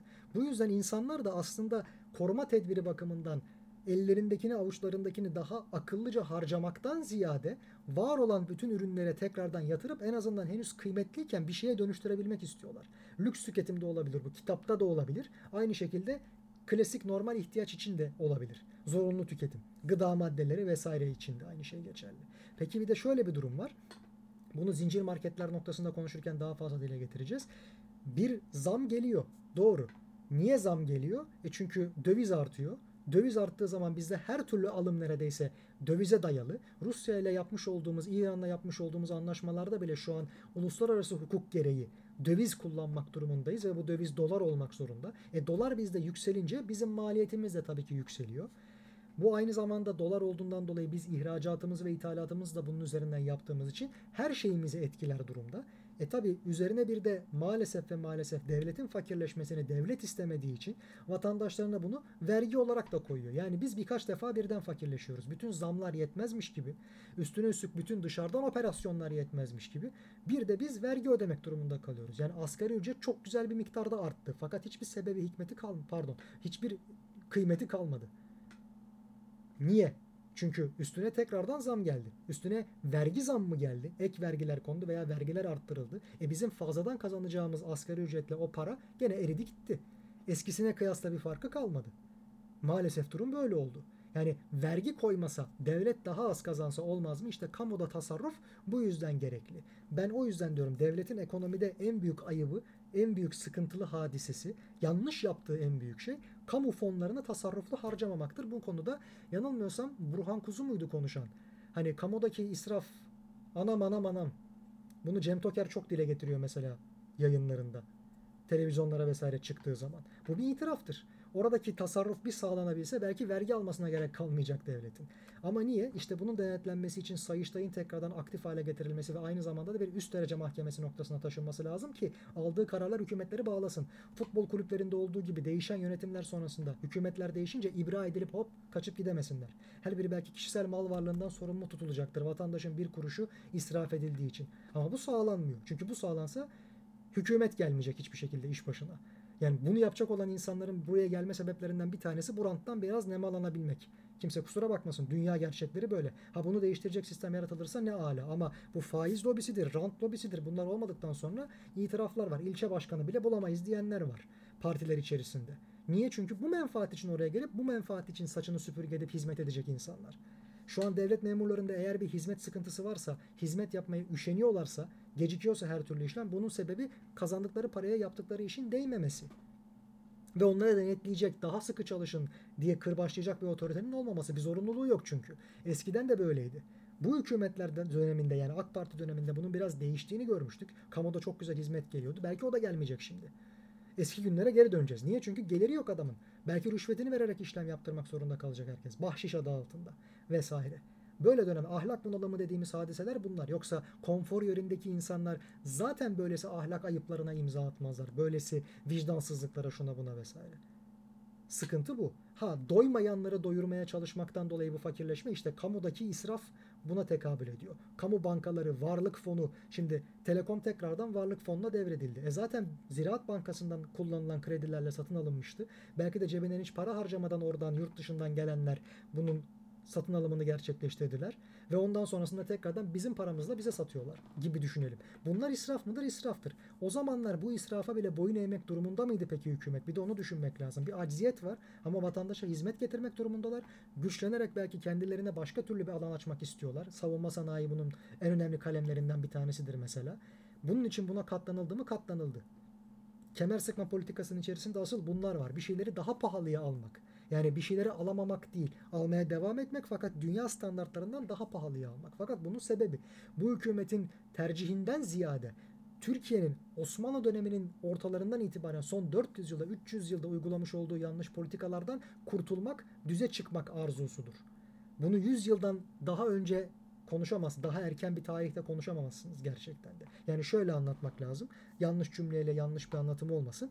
Eğer ki bugünün ekonomik sıkıntılarını Türkiye'nin bugün çırpınıp durduğu, yükselmeye çalıştığı en azından seviyeden yukarı gözünü dikmesini neye borçlu bu ülke? Maalesef ve maalesef o seviyeden kendisini 100 yıl evvel, 200 evvel düşüren ülke hangisi ise mesela Osmanlı Devleti işte ona borçlu. Maalesef ve maalesef onların hataları sebebiyle o devlet yıkılma noktasına geldi. Sonrasında zaten yıkıldı. Rejim değişti. Doğruya doğrudur. Yeni bir devlet olarak belki devam etmedi ama ismi değişti. Kurumları benzer şekilde kaldı. Evet yoluna devam etti. Fakat düze çıkabilmek adına bir çalışması gerekiyorken beş çalışmak zorunda kaldı. Bir rıza göstermesi gerekirken başkalarının ne derler artık ona çıkarlarına 5 rıza göstermek zorunda kaldı. 5 kat rıza göstermek zorunda kaldı. Acziyet içindeydi, yokluktaydı. Tabii ki denge kuracak. Tabii ki diğer ülkelere kıyasla daha dezavantajlı şartlar içerisinde bir şeyleri getirmek zorunda kalacak. Düze çıkana dek, düze çıkmasın diye de her 10 yılda bir düzenli olarak zaten darbelendi. Sıfır noktasına tekrar geri getirildi. Ha bir de üstüne zaten kendi cebini düşünen pek çok parlamenter, siyasi, asker, bilmem ne, tüsiyatçı, her kim olursa olsun eşraf var doğruya doğru. Hepsini konuşmak lazım bunun içerisinde. Basın mensubu, akademisyen hepsi bunlara da sanatçı, sporcu. Durum böyleyken de elbette ülkenin düze çıkması daha zorlaşıyor. Bir sulta, bir örgü, bir ağ varsa o daha bir derin besleniyor. Hele yurt dışındaki ağa babaları da buna zaten çanak tutuyorsa böyle yapın, şöyle yapın diye olan bu ağın içerisinde kendini konumlandıramamış sivil halka vatandaşı oluyor. Durum böyle. Bu böyle mi devam edecek peki? Yani AK Parti veya başka bir hükümet devleti belli bir noktaya getirdi. Ülkenin refah katsayısını, gelişmişlik oranını belli bir noktaya getirdi. Çok ciddi altyapı hizmetleri yapıldı. Ama pahalı ama ucuz. Hiç yapılmaya da bilirdi. Daha evvel projesi imzalanmış pek çok hizmet mesela Bolu Dağı Tüneli gibi. Bunların pek çoğu mesela Sayın Erdoğan İstanbul Büyükşehir Belediye Başkanı olmadan evvel 7-8 senedir bekletilen projelerdi. Onayı alınmış fakat inşaat yapılmıyor. Yok ödenek çıkmıyor, yok bilmem ne. Oralarda affedersiniz halciler patates bilmem ne çuvallarını falan saklıyorlardı Bolu Dağı tünelinde. Çünkü tünelden geçiş yok, araba trafiği yok. Boşa gitmesin diye depo olarak kullanılıyordu falan. Bunları tekrardan hizmete geçirmeyi başarmak demek bir zihniyeti aynı zamanda gösteriyor. Yani bir bir şeyler yapılacak bir kalkınma hamlesi var. Bu kalkınma hamlesi onlarla başladı. Sonra nereye gidecek? Özal döneminde de tabii ki bu çok vardı. Onun da kesinlikle haklı yenmez. İlk baştaki 65-69 arası Demirel hükümetinde de vardı Adalet Partisi. Mendereslerin ilk döneminde de 55-56 senesine kadar bu devam etmişti. Böyle böyle ufak tefek atılımlarla zaten ama çok da ileriye gitmemiz müsaade edilmeyecek şekilde sürüyordu. Sonrasında daha ileriye gitmeyi biz kafayı koyduk. Kefenini giyenler yola çıktı. Başka türlü şeyleri göğüslemeye çalıştılar. Çoğunu başardılar fakat başarırken de Gene antiparantez içinde bir anekdotla anlatayım. Malumunuzdur Yeşil isimli bir karakter vardır. JITEM'le çok özdeşleştirilir. Bir istihbarat görevlisi aynı zamanda da ajan yani ve bir de üstüne tabii ki eli kanlı olarak adlandırılır ama gerçekte kim olduğu, ne yaptığı, neye hizmet ettiği, vatansever mi yoksa gerçekten parasının peşinde mi olup olmadığı tartışılır. Tabii ki biz bu gerçekleri bilemeyiz ama iyi midir kötü müdür o noktada da her şeyi bilmeden bir kanaatte bulunmak hoş bir hadise değildir. O yüzden sadece böyle geçiştireceğim. Onun bir ses kaydı çıkmıştı telefonda birileriyle konuşurken. Şunu söylüyordu. Eğer ki bir yerden bir gelir kapısı bulduysanız kendinize çok güzel buna devam edin fakat tek başınıza yemeyin. Başkalarıyla da paylaşın yoksa kustururlar. Size bunu yar etmezler yani. Bizim ülkemizde kalkınırken elbette bu konuda daha evvelden köşenin başını tutmuş olanlardan bir şekilde ya icazet aldı ya onlara pay verdi ya da gerçekten onlara rest çekti ve savaştı. Dolayısıyla bazı konularda geri kalmışlığı atlatmak adına Atatürk döneminde de bunlar çok olmuştu. Ya taviz vererek ya yeter artık illallah diyerek savaşmayı göze alarak bu da tabii ki olan vatandaşı olur en sonunda ya da birilerine boyun eğip ittifaklar kurarak eyvallahlar vererek vesaire tavizler vererek devam ederler. Ta ki güçlenene kadar, fırsat kollayana kadar en büyük fırsatlardan bir tanesi şu an kapımızda. Antalya tıpkı Davos gibi bir merkez haline geldi. Bunu unutmamak lazım önemli bir noktaya gelebilir. Davos kış turizminde çok iyidir. Antalya yaz turizminde çok iyidir. Biri ekonomik, biri işte sosyal ya da diplomatik merkez haline gelebilir diye konuşan yorumcular var dünya üzerinde. Bunu unutmamak lazım. İşte bu dönüm noktalarından avantajlı bir şekilde çıkmak için çok akıllıca hareket etmek lazım. Sakin kalmak lazım. Bunu şu an hükümet çok iyi başarıyor. Ama içeride de bunun bedelini ödüyor. Zaten ödüyordu, ödemeye devam ediyor. Bunu unutmamak lazım. Ha her şeyin sonunda olan bize mi oluyor? Şu konuştuğum edebiyat fazla mı? Doğru maalesef. Kuru edebiyata geliyor bir yerden sonra çünkü lafla karın doymuyor. Yani elbet bir yerden itibaren hükümetin bir şekilde dezavantajlı olan şeyleri gerekirse cebir kullanarak kendi avantajına çevirmesini bekliyorum. Ben ilgili firmalara zamanında uzanlardaki kötü niyet keşfedildiği için bu onlara yapıldı. Blanco şirketi miydi yanlış hatırlıyor olabilirim ama o şirket üzerinden yapılan şeyin bir kötü niyet olduğu uluslararası hukuk nezdinde de ortaya çıkartıldı ve o tazminattan Türkiye kurtuldu. Benzer durum şu an ya haklılıkla ispatlanarak ya da benim işime gelmiyor kardeşim uymuyorum ne yapacaksan yap diye işte Kavala davasında vesaire olduğu gibi söylenebilir. Bu sert ifadeleri sadece ülkenin içindeki vatandaşlara değil dışarıdaki kişilere karşı da yeri geldiğinde kullanmak gerektiğini en iyi şekilde biliyordur diye düşünüyorum hükümet ve dışişleri. Çünkü Birleşmiş Milletler'in konseyinin içerisinde çıkıp da dünya beşten büyüktür diyebilmek, Davos gibi bir zirvede one minute diye bağırabilmek bunlar da bunu yapabildiklerinin bir göstergesi oldu. Fakat iş ki sadece vatandaş mağdur olmasın, devamı gelsin. Oradaki bir takım dengeler sayesinde buradaki vatandaşın yüzü gülsün. Yoksa hep söylüyoruz. Düzen değişmediği sürece. Şimdi diyorlar ya dünya düzeni değişiyor. Hiç öyle bir şey yok. Enstrümanlar değişiyor, aktörler değişiyor. Düzen, sistem aynı kalıyor. Aynı sömürü sistemi. Düzen şöyle değişir. Eğer gerçekten üreten ürettiğinin hakkaniyetini tam bir şekilde toplayabilirse, alabilirse sömürmek adına ödenmemiş sermaye yani ödenmemiş emek çok pardon sermaye haline getirilmek durumunda kalınmazsa farklı bir ekonomik modele geçilirse o noktadan itibaren zaten adalet sağlanmış olacak. Sömürü durmuş olacak. Elbette birileri her zaman diğerlerinden daha akıllı, daha başarılı, daha sinsi vesaire çıkıp fırsat kollayacaktır. Fakat kişinin aptallığından kaybetmesi, başarısızlığından kaybetmesi başka bir şeydir. Zaten kaybetmesi için doğduğu bir sistemde, içine böyle doğmuş olduğu bir sistemde yolunu bulmaya çalışmak adına bir takım yerlere savrulması ve sonunda kaybetmesi başka bir şeydir. Yani doğuştan kötü bir kadere Hinduizmin Hindistan'ındaki gibi mahkum edilmemesi önemli insanların. O noktadan sonrası geri kalanı hani Mastercard falan deniyor ya geri kalan insanın kendisine kalmış olan bir hadise. Sen ne kadar başarılı kullanıyorsun aklını, fikrini vesaire birikimini. Yeter ki eşit rekabet şansı veya emeğinin karşılığı tam olarak ödensin. Bunun için de gelir bölüşümünde adalet sağlanması lazım. Yoksa Amerika'nın yerini Türkiye'nin almasında bir önem yok. Vatandaşın cebine bir şey girmeyecek çünkü. Şunu unutmayalım. Evvela Avrupa güçlüyken sömürülen başat halk Avrupa halkıydı.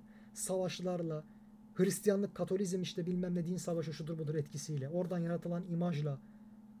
Sonrasında Amerika keşfedildi. Amerika'ya büyük kaynaklar aktı. Evvela Amerika halkı sömürüldü. Gerek orada mevcut yerel halk o zaman gidildiğinde Kızılderililer vesaire veya Meksikalılar.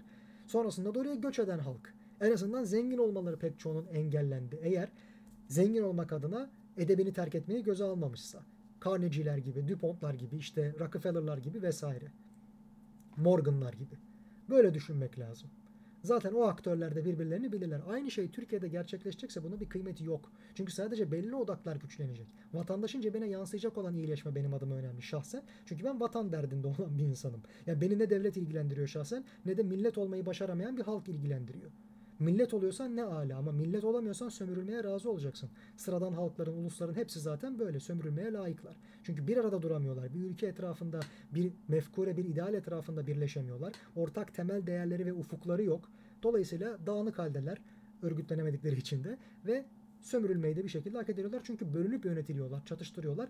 Enerjileri birbirleriyle çatışmaya harcattırılıyor. Bu olmadıktan sonra zaten siz sömürülürsünüz. Fakat millet bir zamanlar yoktu. Atatürk'ün başlattığı akım çerçevesinde bir yerden sonra bir yere kadar oluşabildi. Şimdi gene bozulmaya çalışılıyor. Belki ya sonra gene olur.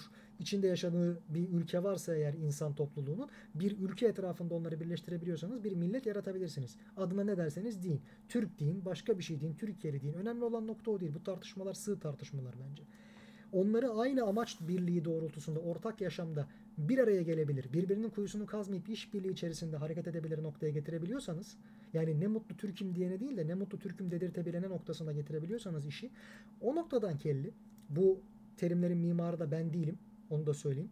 Gerçekten kıymetli büyüklerimiz var bana bu ufku açan diyeyim. Böyle konuşmama sebep olan demeyeyim de bu terimlerin en azından kullanıldığını, kullanılmasının ne anlama gelebileceğini söyleyen gösteren ben doğru bulduğum bir kavram olduğu için burada dile getiriyorum. Ne mutlu Türk'üm diyenlere hiçbir sıkıntım yok. Artık zaman ne mutlu Türk'üm dedirtebilene zamanı olacak eğer bir millet yaratmak istiyorsak. Şu an bir millet var mı yok mu işte o tartışma konusu. Dolayısıyla gitse bile yeni oluşan bir halk içerisinden tekrardan bu millet olgusunu yaratmak mümkün olabilir. Eskilerin bu konudaki tecrübeleri çok kıymetlidir. Nasıl oldu da o dönemlerde bu insanlar bir millet olgusu içerisinde hareket etmeyi başardılar? Niye bölündüler? Niye birbirlerine düşürüldüler? Niye buna kandılar? Ne eksikleri vardı? Bunlar hep çok önemli hadiseler. Yeşilçam mesela bunda ne kadar etkiliydi? Bunları çok konuşmak lazım. Parti tutmak, takım tutmak bunlar birbirine çok benziyorsa eğer niye böyledir? Niye insanlar böyle olsun diye birileri bu sistemi kurgulamıştır? Bunu duymak çok önemli. Bu yüzden eskilerin tecrübeleri, onların bize ufuk açmaları gerekiyor. Ama Bunların hepsi gitse bile geri gelir. Devlet kaybedildi, yeniden kurulur. vatan kaybedilirse o noktada maalesef hiçbir şey geri gelmez.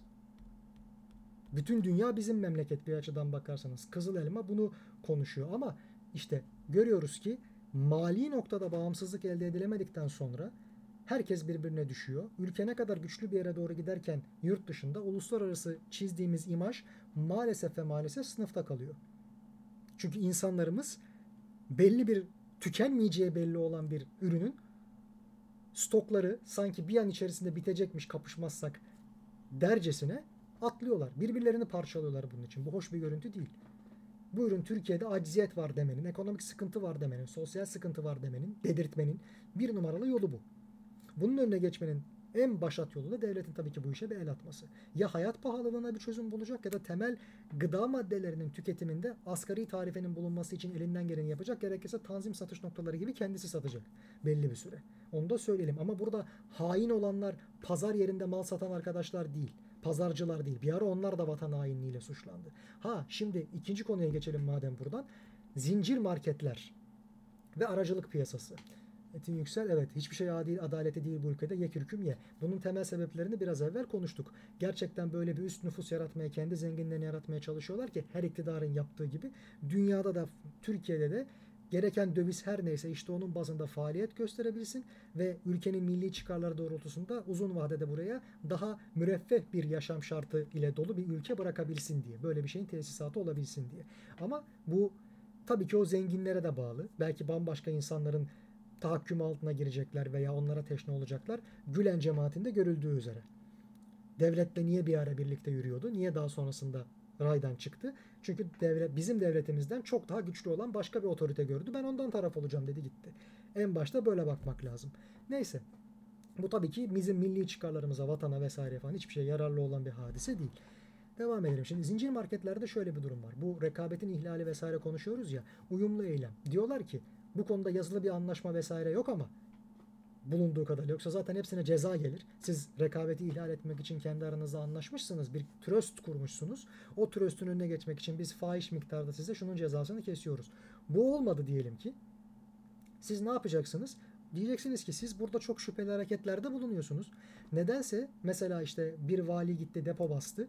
Dedi ki ya arkadaş burada bütün depoda mallar var raflarda yok. Niye kara borsacılık yapıyorsunuz durduk yere? Savaş yok bizim ülkemizde bir şey yok vesaire. Operasyon çekiyorsunuz. Ama emir kullarına yani kasadaki insana bunu söylemeyecek. Şirket müdürü her kimse veya genel müdürü CEO'su onları toplayıp bunu söyleyecek. Diyecek ki ya arkadaş gittik tespitini yaptık. Siz elinizde mallar var. Şu an mesela Rusya'dan rehin alınan daha doğrusu Rusya'nın bir şekilde ne derler ablukaya aldığı daha sonrasında da serbest bıraktığı gemiler Türkiye'ye geldi. İyice yağ stokları güncellendi. Siz buna rağmen hiçbir şey yokmuş, kalmamış vesaire gibi davranıyorsunuz. Daha pahalıya satabilmek için bunu yapıyorsunuz. Durun bakalım bir dakika. Hep birlikte bunu yaptığınız için bu artık örgütlü bir hale geldi. Bu bir suç. Öncelikle rekabeti koruma hakkındaki kanunda bununla alakalı bir konu. Bununla alakalı hükümler var. Bu bir suç. Bunun hesabını bir verin. Fakat Sayın Bülent Akarcalı özel sektörde de çalışmış olan eski devlet bakanı, Sağlık Bakanlığı vesairede falan yapmıştı. ANAP dönemi içerisinde çok kıymetli bürokratlardan bir tanesidir. Karakterini sevelim sevmeyelim o başka bir konu. Tecrübeler açısından niye kıymetli büyüklerimiz? O noktada söylüyorum ben bunları. Şunu anlatıyor. Diyor ki zincir marketler dünya üzerinde veya bizim ülkemizde iştiyse kurulması en kolay, en ucuz olan hadiselerden bir tanesi. Niye? Çünkü kurarken bir şirkete ait bir bina satın alma durumunuz yok. Yükümlülüğünüz yok. Bunu yaparsanız belki 10 yılda 20 yılda anca amortize edecek. Belki 50 yılda amortize edecek ama sizin şirketinizin 50 yıl dayanıp dayanmayacağı belli değil. Dolayısıyla ne yapıyorsunuz? Kiralık bir yer tutuyorsunuz. Gerek şirket merkezi, gerek perakende satış mağazası, gerek depo. Bunların hepsi kiralık. O kiraları vergi kanunu dahilinde amortisman vesaire ve şudur budur yazabiliyorsunuz. Demirbaş yazabiliyorsunuz bazı şeyleri. Vergiden düşebiliyorsunuz. Dolayısıyla çok ucuza geliyor. Peki mal almak için bir sermayeye ihtiyacınız var mı? Hayır. Konsiyaj usulüyle çalışılıyor. Nedir bu konsiyaj usulü? Siz belli üreticilerden diyorsunuz ki şu şartla alıyorsunuz ellerindeki ürünleri. Ben senden bu ürünü alacağım. Piyasaya sunacağım. Piyasada bu mal muhtemelen kaç aylık raf ömrü varsa 3 ay mı? 4 ay mı? 4 ay sonrasında sen gelip benden bunun parasını alacaksın. Ne kadar satıldıysa ben sana onun parasını vereceğim. Fakat Bugün hepsi tükense bile ben sana paranı 3-4 ay sonra vereceğim. Niye? İşte ben de bankalardan o zaman alabiliyorum. Ha, demek ki bankalar da bu işin içerisinde belli noktada. Demek ki devletin ekonomisi kötüleştiği zaman bunlar da olabiliyor. Çünkü tahsilatı daha zor hale geliyor. Kredilerin geri dönüşü daha zor, daha az daha düşük vadeli vesaire veya daha zarar ettirici çünkü ekonomi halen daha oynayabilir. Bir yerde sabitlemek lazım kredi için gereken faiz miktarını, kur varsa kuru vesaire şunu bunu. Elbette ki bu bankaların da işin içerisinde olduğu bir hadise. Ben de diyor bankadan paramı tahsil edemiyorum. Kredi kartıyla yapılan işlemleri ancak kırdırmak lazım hemen alabilmek için. O da çok fazla komisyon ödüyoruz. Şu oluyor bu oluyor. Bir bu. İki Niye bu kadar sonra ödüyorsun? Şunu yapıyor. O parayı sermaye olarak elinde tutuyor. Daha fazla şey alıyor ödemesini yapana kadar ya bankaya yatırıyor, faiz alıyor ya başka türlü işlemlerinde kullanıp oradan elde ettiği gelirle daha da üst gelirle bir üreticinin masrafı neyse onu veriyor. Onun satın aldığını 3 ay sonrasında. iki kendisine sıfırdan hazırda para bulmuş gibi banker gibi yani daha farklı yatırımlarda kullanmak üzere bunu da kullanabiliyor. Şimdi 1 liranın 2 liranın hesabından bahsetmiyoruz. Milyar dolarlık hacimler bunlar. Dolayısıyla bankalarda mesela şöyle bir kural vardır. Biz eğer hesabı tamamen kapatmayacaksak o hesabın içerisinde eskiden çok yakın zamana kadar vardı. Bulundurduğumuz paramız 0 TL olamaz. 10 kuruş, 1 TL vesaire gibi bir asgari bir limiti vardır. Bir ara 3 TL'ydi bu. Niye? 3 TL bizim için önemli bir meblağ değil. Bireysel açıdan bakarsak bir müşteride 3 TL'nin bulunması banka için de önemli değil. Fakat o müşteri sayısı olarak baktığımız vakit bankada 3 milyon müşteri var, 5 milyon müşteri var. Her birinde 1 TL olsa gecelik toplam kullanabileceği 5 milyon TL daha var demektir banka için. Bu yüzden bu asgari tutar var. Aynı şekilde bunu ellerindeki fazladan para bakımından zincir marketlerde kullanabiliyor. Bir ikincisi konsiyejya satıldığı kadarını ödüyor. Satın alırken hemen peşin para vererek bunu satın almıyor. Satışı olursa ve ne kadar satıldıysa o kadar işte sana 3-4 ay sonra vereceğim. Gerek raf ömrü bu kadar, gerek ben bu kadara tahsil edebiliyorum, gerekse işine gelirse. En büyük alıcı benim. Şu şekilde ehven şartlarda alıyor görünüyorum. Güzel bir miktar üzerinden satın alıyorum. Ödeyeceğim meblağ bu kadar ama hemen değil. 3-4 ay sonra ve ne kadar satabilirsem işte o kadar. Dolayısıyla adamın elinde mal da kalmıyor. Dolayısıyla sermaye harcamasına gerek de yok. Ödünç alır gibi alıyor. Satarsam ben sana bunun parasını göndereceğim diyor. Ne kadarını satarsam da o kadarının parasını göndereceğim diyor. O zamanın parasıyla belki para değer kaybetmiş olacak ama ben bugünkü kurdan konuştuk. Bugünkü fiyat skalası üzerinden sana göndereceğim diyor. Kaybına da katlanacaksın 3-4 ay sonra. Geri kalan mallarda eğer bozuksa iade edeceğim. Yani raf ömrünü doldurduysa son kullanma tarihi falan geçiyorsa iade edeceğim diyor. Ya da satabildikçe ben sana aydan aya tekrardan ödeyeceğim diyor. Aylık gecikmelerde bile ellerinde bulunan fonlar çok önemli bir noktaya geliyor tabii ki bu marketlerin. Çünkü çok sayıda müşteri var. Devasa rakamlarla oynuyorlar. Şimdi bu aracılık piyasası aynı zamanda zincir marketler birer aracılık yapıyorlar. Ha işçi personel maaşı şudur budur vesaire. Bunların hepsinin de tabii ki vergide yeri var. Sigortalar kanununda yeri var. Hepsinin tabii ki bir kolayı var. Ciddi gider kalemleri midir? Tabii ki ciddi gider kalemleridir. Şunu unutmayalım mesela pek çok atıyorum ki kurye firması, motokurye ile çalışan firma der ki biz aslında motorlarımıza şoför aramıyoruz motosikletlerimize. Motosikleti olan, motosiklet kullanma ehliyeti olan insanlar gelip bizimle ortaklaşa çalışmaya başlasınlar. Niye? Ona para yatırmak istemiyor ki motosiklete. Onu da ortaklı çalışmaya dahil ediyor. Çok daha fizibilite açısından karlı bir durum. Dolayısıyla belki araçların hiçbirisi kendisine ait değil tamamen. Leasingle alıyor olabilir belli şekilde ödünç alıyor, rentakardan vesaire yapıyor olabilir. Tamamen mülkiyetini almaktansa. Çünkü batarsa hepsini elinden çıkarması gerekecek vesaire. E tabi sürümden de kazanıyor çünkü çok fazla sayıda kiralıyor. En ehven şartlarda kiralıyor ilgili yerlerden veya leasingi en iyi şartlarda alıyor bankalardan. Çünkü ödeme garantisi çok yüksek olan müşteriler çok zenginler baktığımızda. Çok ciddi kazançları var. Ama ceplerinden çıkan gerçekten asgari miktarda. Her şeyden evvel sattıkları ürünü peşin para vererek satın almıyorlar konsiyaj usulü yapılıyor. Bunun adı bu. Şimdi bu niye yayın piyasasına benziyor? Yayın piyasası da tamamen bu ülkeler üzerine çalışıyor. Dağıtımcı dediğimiz kurumlar bizden peşin para vererek bir şeyleri almıyorlar. Bir defa şunu söyleyelim. Süpermarketler aynı zamanda da dağıtımcılık üstlenen firmalardır. Bir de üstüne üstlük bakkallara şuna buna vesaireye falan dağıtımcılık yapan firmalar vardır. Ya da üretici firmaların pek çoğu işte kola gibi bilmem ne gibi kendisi çok büyükse gider bakkalları şunları bunları marketleri veya restoranları tek tek dolaşıp bununla alakalı cari hesap açarlar. Oradan satış yaparlar. Bir benzerini biz yayın sektörü için düşünelim.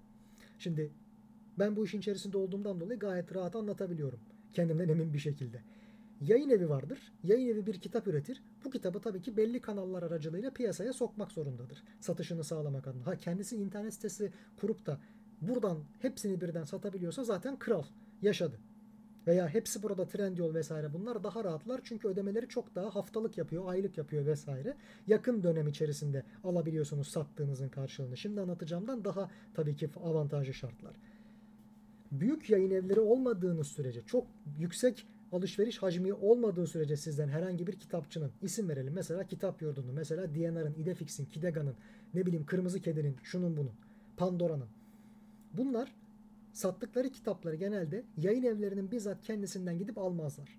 Niye? Her yayın eviyle ayrı ayrı cari hesap açmak ve bunun takibini yapmak zorunda kalırlar. Hepsiyle ayrı ayrı uğraşmak zorunda kalırlar. Bu da onlar için daha fazla personel, daha fazla mesai, daha fazla zahmet demektir.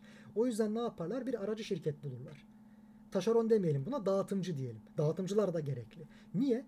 herkesle ayrı ayrı hesap açmaktansa tek bir tane dağıtımcıyla tek bir cari hesap açar. Sadece tek bir muhatap üzerinden bu işi halleder. Pazarlığını şunu bunu vesairesini onu yapar. Onun kahrını ağız kokusunu çeker. Dağıtımcı ne yapar peki? Yayıncılardan bu ürünleri kitapları alır. Herkese der ki benden şu kadar var, şu üründen bu kadar var. Bu ürün gelin istiyorsanız alın.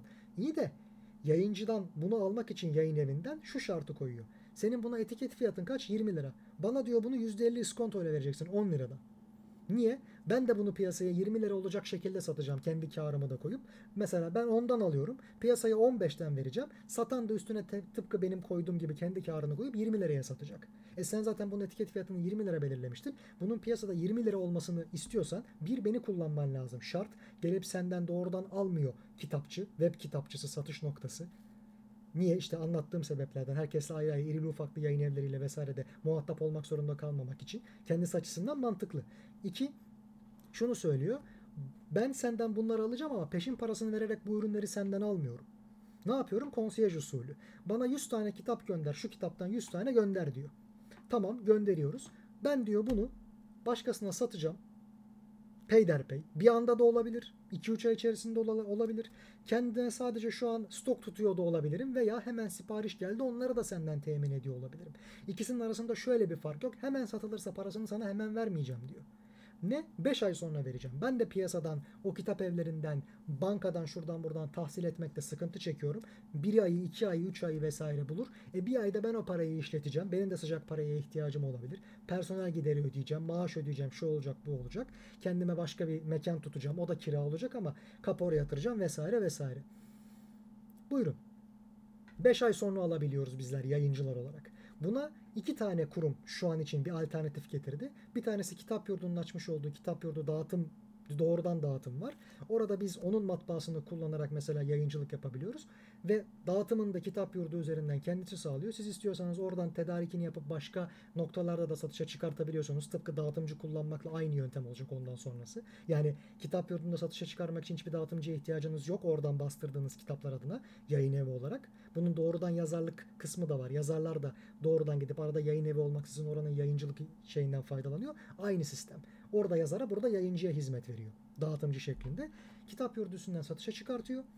Sonrasında biz istersek yayın evi olarak farklı mecralarda sırf kitap yurdunda değil her yerde satışa sunulsun istiyorsak oradan yayın evi iskontosuyla tabii ki alıyoruz kitapları ve gene aynı eski ekol dağıtımcılara verip piyasaya çıkartıyoruz. 2 ayda bir ödeme yapıyor. Çok daha güzel bir sistematiği var. Aynı zamanda da bir yere kargolamanız, ulaştırmanız falan gerekmiyor. Sadece kitap yurdu üstünden satış yapacaksanız ve en büyük satış noktalarından bir tanesi kitap konusunda şu an kitap. İkincisi de şu an Trendyol, hepsi burada vesaire N11 gibi platformlar var. Burada siz bizzat doğrudan kendiniz mağaza açabiliyorsunuz. Hiç kimseye eyvallahınız olmadan müşteriyle aranızda doğrudan çok ufak bir komisyon karşılığında işlev görüyor. Orası açık bir satış platformu ve size haftalık, aylık, iki haftalık vesaire periyotlarla bu ödemeyi yapıyor. Bu sayede zaten şu an bütün yayın evleri ayakta kalabilecekse kalabilecek. En irisinden en ufağına kadar. Peki bununla çok benzeyen zincir marketlerde bir düzenlemeye gidilecek mi? Bir alternatif yaratılacak mı? Çünkü kitap piyasasına kıyasla çok daha hayati, çok daha temel bir şeyden bahsediyoruz. O yüzden de düzenlenmesi çok önemli. Buyurun alternatiflerden bazılarını ben burada söylemiş oldum. Böyle ihtimaller var. Tabi bunların hiçbirisi ticari sır olmadığı için rahatlıkla anlatıyorum. Herhangi bir şekilde anlatmamız vesaire falan ancak şöyle sıkıntıya sokabilir. O dağıtımcının ismini verirsem mesela ben dersem ki şu şu iskontoyu yapıyor bir bize şu kadar da yapıyor vesaire. O hakikaten ticari sır kapsamına girer suç olur. Fakat piyasanın geneli zaten böyle. Ben istisnaları söylüyorum ki taltif edecek şekilde de söylüyoruz. Çünkü gerçekten piyasa için böylelerinin varlığı çok önemli. Ha ileride bir gün o da tekelleşirse sıkıntı yaratır mı? Tabii ki o yüzden bu işi yapan birden çok alternatifin bir an evvel ortaya çıkması çok önemli. Tüketicinin refahını koruyabilmek için orada veya o rekabet unsuru içerisinde bir eğer ticari zincir varsa o noktada o zincirin diğer öğeleri de bizler gibi mesela yayın evleri de en iyi menfaatler gözetilerek hizmet edebilmesi adına bunlardan faydalanmalı. Tek bir yere muhtaç kalınmamalı yani. Kitap evlerinde çok büyük bir kitap evi var. Hepiniz bilirsiniz. ismini burada vermek istemiyorum. Ona muhtaciyet sebebiyle onun genellikle çalışma şartlarına insanlar evet demek durumunda kalıyorlar. Zincir marketler de böyle şu an. Sen bana bu ürününü vermezsen başkasıyla çalışmak istersen bakkal gelip senden bilmem ne köyündeki adamdan bunu almaz. Kendi köylüsü, vatandaşı, memleketlisi değilse. Ancak ve ancak benim aracılığımla gelip alır. Sen bunu vermezsen piyasaya malını dağıtamazsın. Hadi bakalım. Ve ben almazsam başkası da almayacak. Hadi bakalım. Biz örgütlendik kendi aramızda. Bu haksızlığa kim durduracak? Bunu yapması gereken tek bir odak var. O da devlet. Kendi içerisinden piyasa alternatifini çıkartabiliyorsa ne ala. Fakat şu an onlar danışıklı dövüş içerisindeler. Onlar bize karşı bir uyumlu eylem içerisindeler. Zincir marketlerden bahsediyorum. Dağıtım sektörü, kitap dağıtım sektörü bunlar çok daha kolay üstesinden gelinebilecek hadiseler ki zaten kendi içerisinde bir yaratıcı yıkıcılıkla diyelim Schumpeter'e de buradan selam olsun. Müthiş alternatifler geliştirmeyi başardılar. Bence bir deha ürünüdür bu. Yapan her kimse, emeği geçen her kimse Allah razı olsun. Aynı şeyi burada zincir marketler içerisinde de görebiliriz. Çünkü aracılara hiçbir şey yapmıyormuş gibi görünüp sadece onunla diğerinin bağlantısını kuran, kargoculuk yapan, kuryelik yapanlara diyelim bir müdana doğuyor. Onlar da arada komisyon alıyorlar. Baktığımızda ve birken beşe satabiliyorlar. Çünkü arada kendi payını ne kadar arttırabileceğinin bir kıstası yok. Bununla alakalı evet fahiş yapıyorsun bunu diye denetime giden devlet ceza kesiyor. Çok güzel. Bunu yapması lazım zaten. Hak edişinin ne olması gerektiğini rayicini o hesaplamalı o noktada. Fakat serbest piyasa diyorlar ya kendi içerisinde belirlenir. Masa başında devlet müdahalesiyle falan olmaz. Aslında devlet müdahalesi şurada lazım. Ordo liberalizmde olduğu gibi işte 2. Dünya Savaşı'ndan sonra kalkınan Almanya'da olduğu gibi 1930'ların New Deal'ında Roosevelt'in işte Amerika'da getirdiği hadise gibi Franklin Roosevelt'in veya şeyleri tabii ki hesaba katmıyoruz. Sovyetler Birliği'nin veya Hitler Nazi Almanyası'nın kalkınma planlarını onlarınki çok başka kurgular. Serbest piyasa içerisinde, liberalizm içerisinde devletle ilgisinin ortaklığı nasıl olabilir diye bakıyoruz. İzmir İktisat Kongresi'nde önerilen ilkeler, önce özel sektör onun giremediği yerde devlet diyen bir Atatürk ve devamında bu ülkede eğer gerçekten özel sektör yaratılacaksa bu devlet katkısıyla işte vergi almadan imtiyazlarla, sübvansiyonla, şunla bunla vesaire olacak. Aynı şey geçerli. Ortaklaşa yatırım alanlarını biz söyleyeceğiz, siz yapacaksınız. Bundan bütün ülke faydalanacak çeşitli şekillerde. Oluyorsa ne ala. Bunu sağlayamıyorlarsa, dışarıdaki operasyonlara maruz kalınıyorsa aracılar da zaten dedikleri kadar fiyat çekerler. Bunu önlemenin yolu da evet sen bunu gerçekten fahiş miktarda yapıyorsun. Dur bakalım niye böyle yapıyorsun demek. Niye vatandaşlara diğerleri daha az fiyat sunmuyor? Yani bir tane market der ki ya aslında bu çok daha ucuza bize getirilebiliyor. Diğeri 5 liraya satıyor ama bunun ederi 2 lira. Ben çok rahat 2 liraya bunu satabilirim der. Niye 2'ye satmıyor? İki şeyden dolayı. Bir, o 5'e satabiliyorken ve müşteri bulabiliyorken ben niye 2'ye satıp zarar edeyim ya da daha az kar edeyim? İki, biz zaten aramızda anlaşmışız. Hepimiz birden 5'e satalım ki başka yerde bulamasınlar. Perakendeci zaten toptan satana kıyasla çok daha pahalıya satmak durumunda. İşlem hacmi dar çünkü daha pahalıya alıyor, daha pahalıya satıyor. Bakkallardan bahsediyorum. Süpermarketlerinde böyle yapması demek fiyat yükseltmesi ortaklaşa bir kararla zaten hepimizin felaketi olur. Ağlarız. Atilla İlhan'a da buradan selam göndermiş olalım. Ruhu şad olsun. Neyse özetle hani bunca konuşmanın üzerine ne gelebilir? Ben açıkçası gerçekten bunların üreticiden tüketiciye son halkaya gelene dek denetlenmesi gerektiği kanaatindeyim. Denetleyecek memurların katiyen rüşvet almaması ve buna teşne olmaması gerektiği kanaatindeyim. Devletin bir süre sonra bunları gevşetmemesi gerektiği kanaatindeyim. Çünkü rehavete kapılmamızı beklerler sadece böyle bir durumda ne kadar fazla devlet çalıştığını gösterirse, hükümet çalıştığını gösterirse o kadar bunlar da hazır ola geçerler. Ha bir üçüncüsü gerçekten devleti zayıflatmak adına yemin ettilerse devletin buna alternatif olarak kendi işlettiği bir zamanın kitleri gibi, İDT'leri gibi kurumlar ortaya çıkarması icap eder. Maalesef onlar sadece geçici tedbir olabilirler çünkü onların devlet ve kamu tarafından en azından verimli işletilemediği ortadaydı. O yüzden çoğu kapatıldı. Belediye modeli şu an belki de onun tam ideal hali belediyeler İDT'lerin bir devamı şu an. O yüzden o hizmetlerin pek çoğunu belediyeler veriyorlar. İDT'leri hatırlayanlar vardır. Belediyelerin daha evvelinde kitlerin vesairenin veya buna göre kar elde etmesi amacıyla kurulmuş, kitler kar elde etme amacıyla kurulmuş şeyler değil de İDT'ler öyle iktisadi devlet teşekkülleri. Onlar niye yapıyorlar? Kar elde edecek. İyi de devletin herhangi bir şekilde piyasa içerisinde piyasayı kalkındıracak bir biçimde o teşekkülü kar ettirmesi iki sebepten dolayı mümkün değil. Bir, adamlar niye oturup çalışsınlar? Niye? Rekabete niye girsin? Yani İDT, devlet memuru niye rekabete girsin? Girse de girmese de aynı maaşı alıyor. Girse daha üst maaş almayacak kendisi. Yani devletin cebine girecek olan adamın kendi cebine girmeyecek. Bunu biliyor. Bu motivasyonu yok çalışmak adına, verimli çalıştırmak adına. İki, denetleme diye bir şey yok. Zararlı da olsa çalışmaya devam ediyor, sübvanse ediliyor. Devleti soyuyor, vatandaşı soyuyor. Vergi olarak geri dönüyor çünkü vatandaşa zam ve vergi olarak. Üçüncüsü onunla rekabet edebilecek zaten bir özel teşebbüs kalabilir mi bir yerden sonra? Şu an geçici çözüm olsun diye tanzim satışta olduğu gibi belini kırmak adına bu tröstün bu yapılabilir. Ancak. Çünkü depolarda mallar var ve bekletiliyor. Doğru zaman bekletiliyor. Şimdi yakın zamanda ben gördüm. iki gün, üç gün önce olması lazım taş çatlasın. Diyorlar ki bir tane ürün, bir tane bu zincir marketlerden herhangi birinde ismini vermek gerekmiyor olması gerekenden şu anki piyasa şartlarından çok daha ucuza satılmaya başlanmış. Ve bu zincir market diğerlerinden daha ucuza satmasıyla biliniyordu zaten. Adamlar diyorlar ki hani sen de diğerleri kadar pahalıya satıyordun niye şimdi birden ucuzladı? Niye ucuzlamış olabilir? Ya son tüketim tarihi geliyor ya devletin bunu yapacağını anladılar düzgün görünmeye çalışıyorlar cezadan yırtmak için ya da ellerindeki stoğu tüketip hemen yenisini sipariş edecekler. Diğerlerinden avantajlı olarak bu Tröst'ü kırmışlar kendi kafaları içerisinde. İhanet etmişler diğer zincir marketlere. Birlikte hareket ettikleri diğer aktörlere ihanet etmişler. Ve diyorlar ki orada 5 lira bende 2 lira gelin benden alın. Kendine müşteri yığmaya çalışıyor. Bir demografiyi bir tüketici toplumunu kazanmaya çalışıyor. Yani kendi imajını düzeltiyor. Herkesin ayağı buraya alışsın istiyor. Herkes oraya akın etsin. Ben sürümden de olsa kazanırım diyor.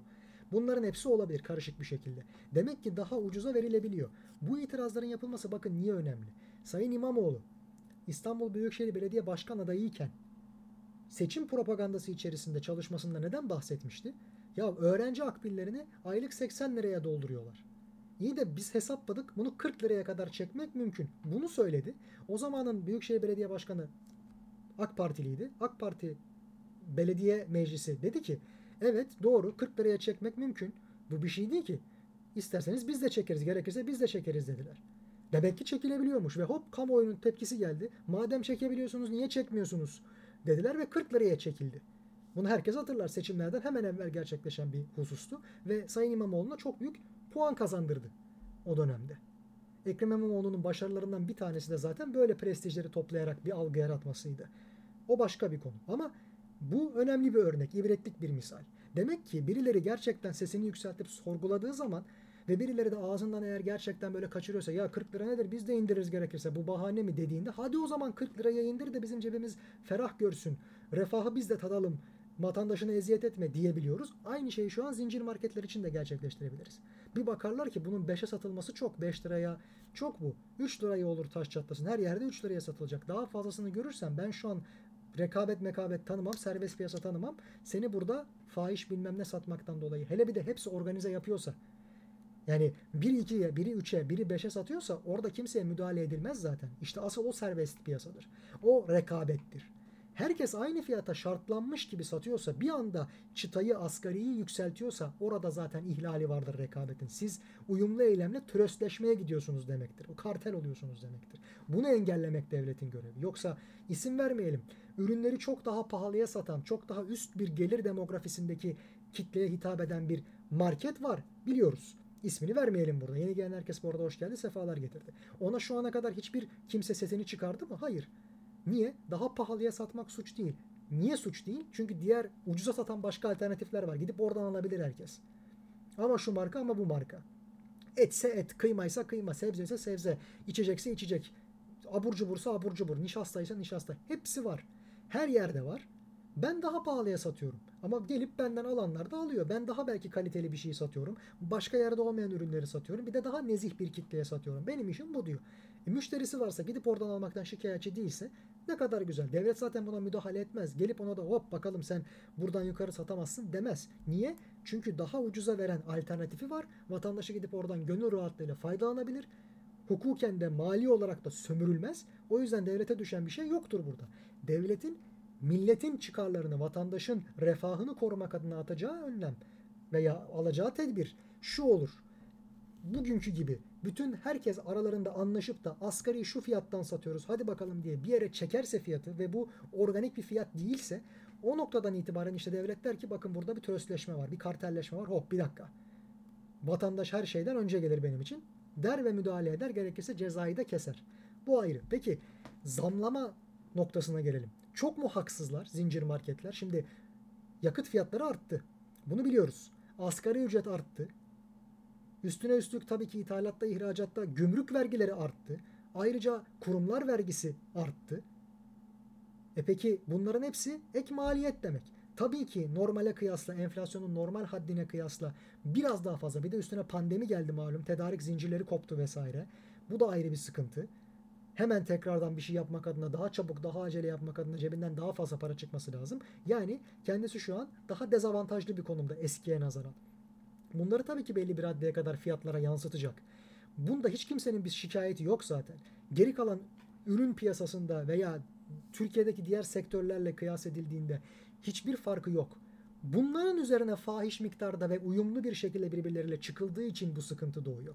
Yani bu bahsetmiş olduğumuz ek giderler sebebiyle maliyet arttı, vergi arttı, yakıt arttı, asgari ücret arttı, her şey arttı. Biz de kitaplara eskisi kadar aynı fiyatları koyamıyoruz. Daha pahalıya satmak durumunda kalıyoruz. Hiç değilse kağıt fiyatlarından ötürü.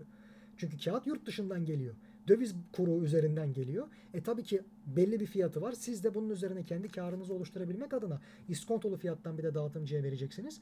Dolayısıyla mutlaka ki onun size geliş kağıt ve hepsiyle beraber matbaa payı şudur budur imal ediliş fiyatı üzerine belli bir katsayı koymanız lazım. Oradan satmanız lazım ki iskontolu verdiğinizde ve 5 ay sonra ödemesini aldığınızda bile zarar etmeyesiniz. Personel giderinizi, mekan kiranızı şunu bunu karşılayabilmelisiniz. Bunun hesabını yapıyorsunuz. Zincir marketlerde bunun hesabını yapıyor.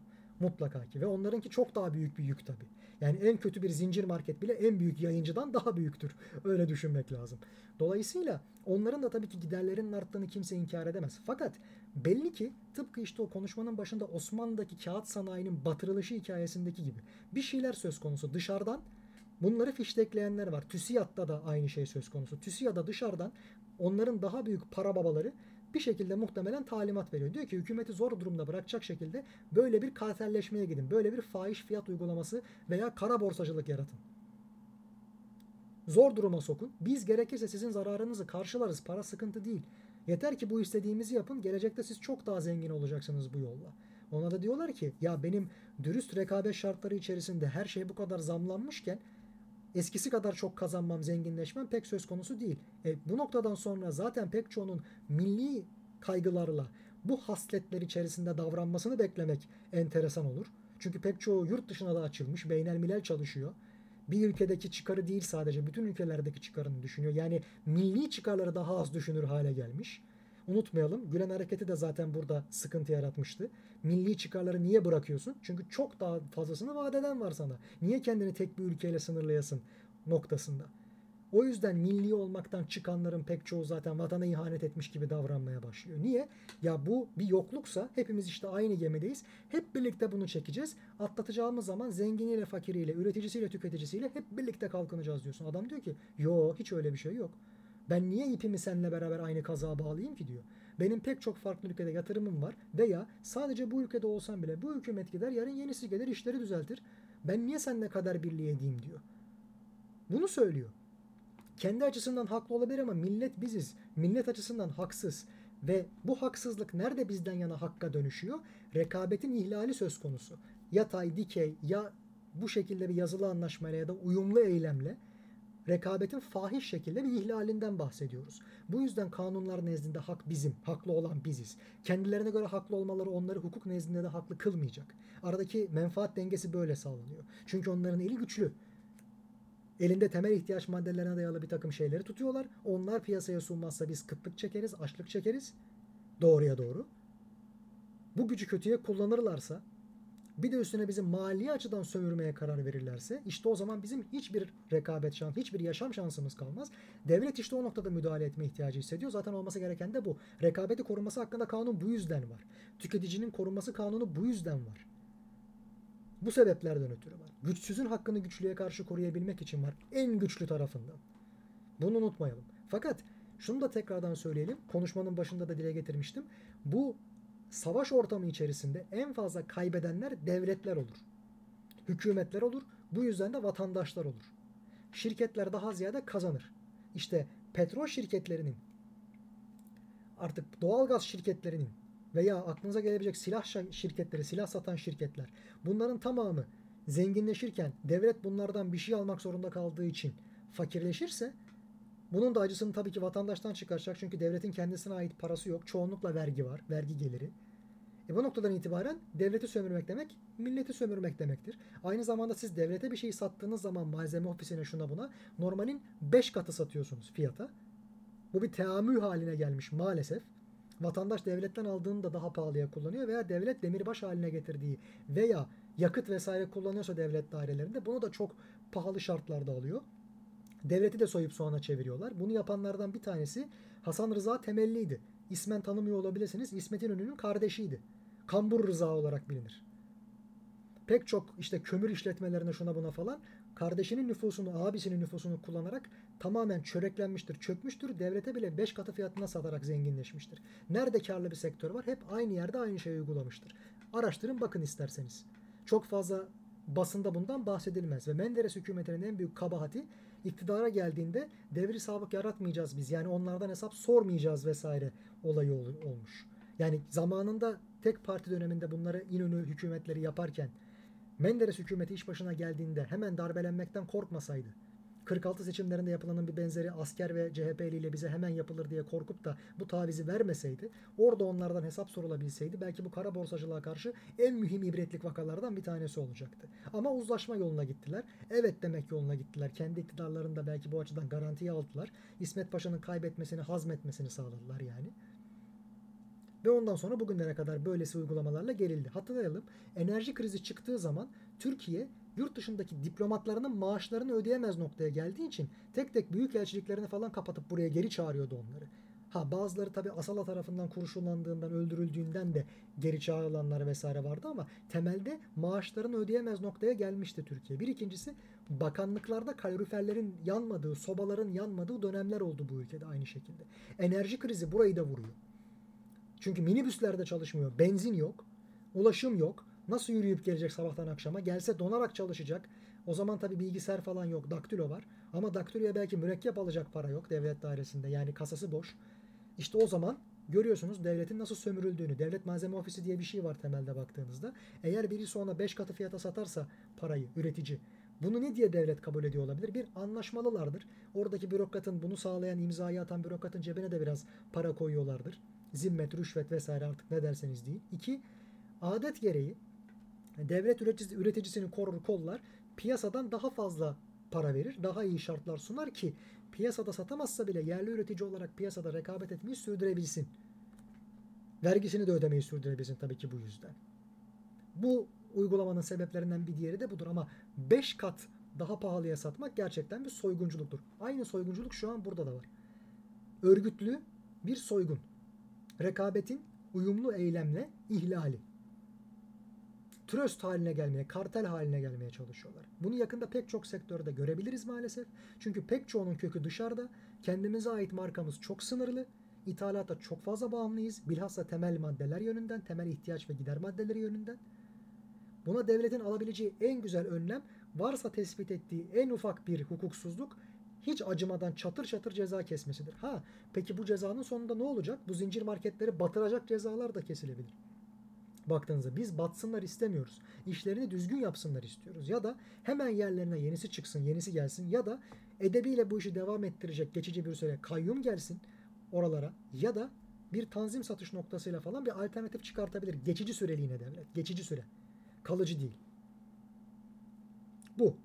Bambaşka bir modele geçilmesinin vesaire falan esvabı mucibesi ancak böyle olabilir. Benim nezdimde açıkçası benim görüşüm bu. Evet durum böyle. Bir buçuk saati gene doldurmuşuz. Bir saat diye tasavvur etmiştik ama laf lafı açtı. Benim açıkçası anlatacaklarım bu konuda şimdilik bu kadar. Unutmayalım ki her savaşın mutlaka bir savaş zengini vardır. İlk Dünya Harbi'nde de, İkinci Dünya Harbi'nde de bizim açımızdan bunlar vardı. Kara borsaya düşürerek vardı. El altından kaçakçılıkla vardı. Aynı şeyler şu an geçerlidir. Aynı zamanda sahte ürün imaliyle vardı. Zaten evvel eski biz bunu görüyoruz. Üstüne üstlük başka ne olabilir diye düşündüğümüz vakit vatandaşı daha da fazla sömürmek adına kaçak vesaire şudur budur olmasa bile, kara borsacılık yapılmasa bile, kara borsanın hiç olmadığını varsayalım. Gene de fahiş fiyat satılışı üzerinden diyelim bir türöstleşme söz konusu. Bu olabilir. Yani sömürmenin kalemlerini sayıyoruz. Kaçakçılık, kara borsacılık, sahte ürün imali ve fahiş fiyata satma. Yasal ve gerçek bir ürün olsa bile. Bu yasal ve gerçek ürünün fahiş fiyata satılması da aynı zamanda bir türösleşmenin yansımasıdır. Çünkü herkes aynı fiyata satıyordur ve hiçbirisi hakkı olan fiyat değildir, daha üstüdür. İşte bu tarz hadiseleri biz her türlü savaşta görebiliriz. Savaş zenginleri böyle ortaya çıkar. Gıda bunun bir parçasıdır. Biliyorsunuz medikal malzeme temini konusunda çok büyük sıkıntı çekiliyor. Bunun döviz yükselmesiyle de bir alakası var. Ama aynı zamanda bu medikal malzemeyi yurt dışından sağlayan şirketlerin de burada bir ambargosu varsa gözü kapalı. İşte bunlara da maruz kalabiliriz. Ameliyathanelerde kullanılacak malzeme kalmadı vesaire diyenler vardı. Özel hastaneler bununla alakalı devletten şunun bunun garantisini alamazlarsa belki sipariş edecek parayı bulamayabilirler. Devlet hastanelerinde zaten malzeme kalmayacaktır o dönemler içerisinde. O da ayrı bir sıkıntı. Bunlar temel sıkıntılar. Bir de üstüne tabii ki savaş zengini demek şu demek silah satmak demek. İç güvenlikle alakalı bir sıkıntı çıksa Allah muhafaza herkesin gidip kendine silah almaya çalıştığını düşünelim. Kendini korumak adına. Buyurun size silah şirketlerinin zengin olması. Bir kişi silah aldığı zaman belki çok yüksek bir fiyat ödemeyecek ama ülkede 10 milyon kişi silah alırsa işte Krupp firması, bilmem ne firması, Kalaşnikovların üretilmesi bunların hepsi bu sayede zengin oluyor. Hatta yanılmıyorsam Kurtlar Vadisi Pusu'nun bir bölümünde olması lazım. Son dönemki bölümlerinden bir tanesi. Bir silah kaçakçısı nasıl zengin olduğunu anlatıyordu. Evvela diyor gider bir ülkedeki bir terör örgütünü bulurum. Ona benim silahımın piyasa değeri 1000 dolarsa 250 dolardan veririm. El altından zararına. Niye? İsteğim şu gitsin orada terör çıkarsın. Sonra ona sattığımdan daha düşük kalitede silahları gider onun karşısındaki bir başka terör örgütüne satarım. Biraz daha üstten. 250 yerine mesela bu sefer 500 dolardan. Sonrasında eğer bu konuda çok fazla direnebilecek değilse o ilgili devletler gider onların hükümetlerine bunu 1000 dolardan satarım. Hakiki piyasa fiyatına. Sonrasında bunların hepsini silahlandırdım diye terör örgütleri var. Ülkeler de silahlanma yarışına girdi. Hop civardaki ülkeler de tedirgin olmaya başladılar. Ben derim ki onlara bakın etraftaki herkes silahlandı. Kendi aralarındaki hesaplaşmayı bitirirlerse hop ibreyi size çevirirler. Sizin de kendinizi savunmak için silah almanız lazım. Onlara da tanesini bin yerine 2000 3000 dolardan satarım. Dolayısıyla terör örgütüne verdiğim az sayıda verdiğim 250 dolardan verdiğim silahın acısını kat be kat bu şekilde devletlerden çıkartmış olurum. Dünya harplerinde bu şekilde zengin oldu bu şirketler. Daniel Esturin kapatırken onu anlatayım. Kulüp Bilderberg kitabının yazarıdır aynı zamanda. Venedik kara asaleti, siyah papa vesaire konularına da değinmiş bir insandır. Trilateral Commission, işte başka artık Bilderberg kulübü, Roma kulübü, Siyafar bunların hepsi konusunda araştırmalar yürütmüş birisidir. Bir İspanyol. Şunu anlatıyordu. Rockefeller'ın, Rothschild'in milyar dolarlık taş çatlasın 1 trilyon dolarlık serveti olduğundan dolayı onları dünyanın en zengini zannediyorsunuz ya. Geçenlerde sadece Krupp firmasının silah şirketi olan Alman Krupp firmasının tek bir banka hesabında bulunan dekont elime geçti. O hesapta ne kadar para bulunduğunu ama tek bir hesap. Yani kim bilir kaç tane böyle hesabı var varın siz düşünün. Orada gördüğüm rakam 300 trilyon dolardı. Tek başına bir tane banka hesabında 300 trilyon doları var bir şirketin. Dünyanın en zenginleri Rothschild'ler mi, Rockefeller'lar mı? Acaba hanedanların ne kadar serveti var? Hangi bankalarda? Biliyor muyuz? Bunlar belki halka açık bankalar değiller. Ne kadar para var şu an dünyada tedavülde? Bunların kaç katı borç? Ne kadarı borç kaydi sistem içerisinde? Bunların kaç katı paraya kim nerede ne kadar sahip? Bunlar kota edilmedikçe, bildirilmedikçe bilmiyoruz ki biz bunları. Ama silah şirketi olduğu için her türlü savaştan nemalanıyor. Kim kazanırsa kazansın o kazanıyor hepsinden. Daha fazla. Galibin kim olduğunun bir önemi yok. Bütün yarışan atlar ekürü ise o at yarışını kimin kazandığının bir önemi yok. Düşünün ki öyle bir kupon yaratıyorsunuz at yarışı bahsine. Hangi at birinci gelirse gelsin siz kazanmış olacaksınız. Dünyanın en karlı işi. Bunu yapan insan, buradan bu kadar menfaati olan insan sırf daha da fazla kazanmak için canı istediğinde savaş çıkarmaz mı? Bu. Şimdi bunu silah sektöründen yola çıkarak bütün sektörler için düşünelim. Daha da beteri bu pek çok sektörün holdingler çerçevesinde aslında tek bir firmanın çatısı altında toplandığını düşünelim. Silahı satan da o, ilacı satan da o, zirai ilaçlama ilacını satan da o, tohumu satan da o, diğer temel gıda maddelerini satan da o, her türlü şeyi satan o diyelim ki. O noktada biz kaç kişinin insafına kalmış oluyoruz dünya üzerinde? Diyerek artık bu sohbetin sonuna gelmiş olalım. Eğer sizin herhangi bir sorunuz varsa benim anlatacaklarım bu kadar. Hemen bakalım. Evet yok gibi görünüyor. Öyleyse 14 Mart 2022 canımız ne isterse. Bu bölümün de sonuna geldik. Katılan herkese çok teşekkür ediyorum. Sürçülisan ettiysem, lafı güzaf ettiysem affola. Hakaretamiz konuştuysam, haddimi aştıysam lütfen affedin ayrı zamanda. Her zaman olduğu gibi yine rahmetli İsmet Badem abimizin Dillere Pelesenk vecizesiyle programı sonlandırmak istiyorum efendim. Dudaklarınızdan tebessüm, kalbinizden işte her neyi seviyorsanız onun sevgisi eksik olmasın. Şen kalın, esen kalın. Tekrardan görüşünceye dek hoşçakalın.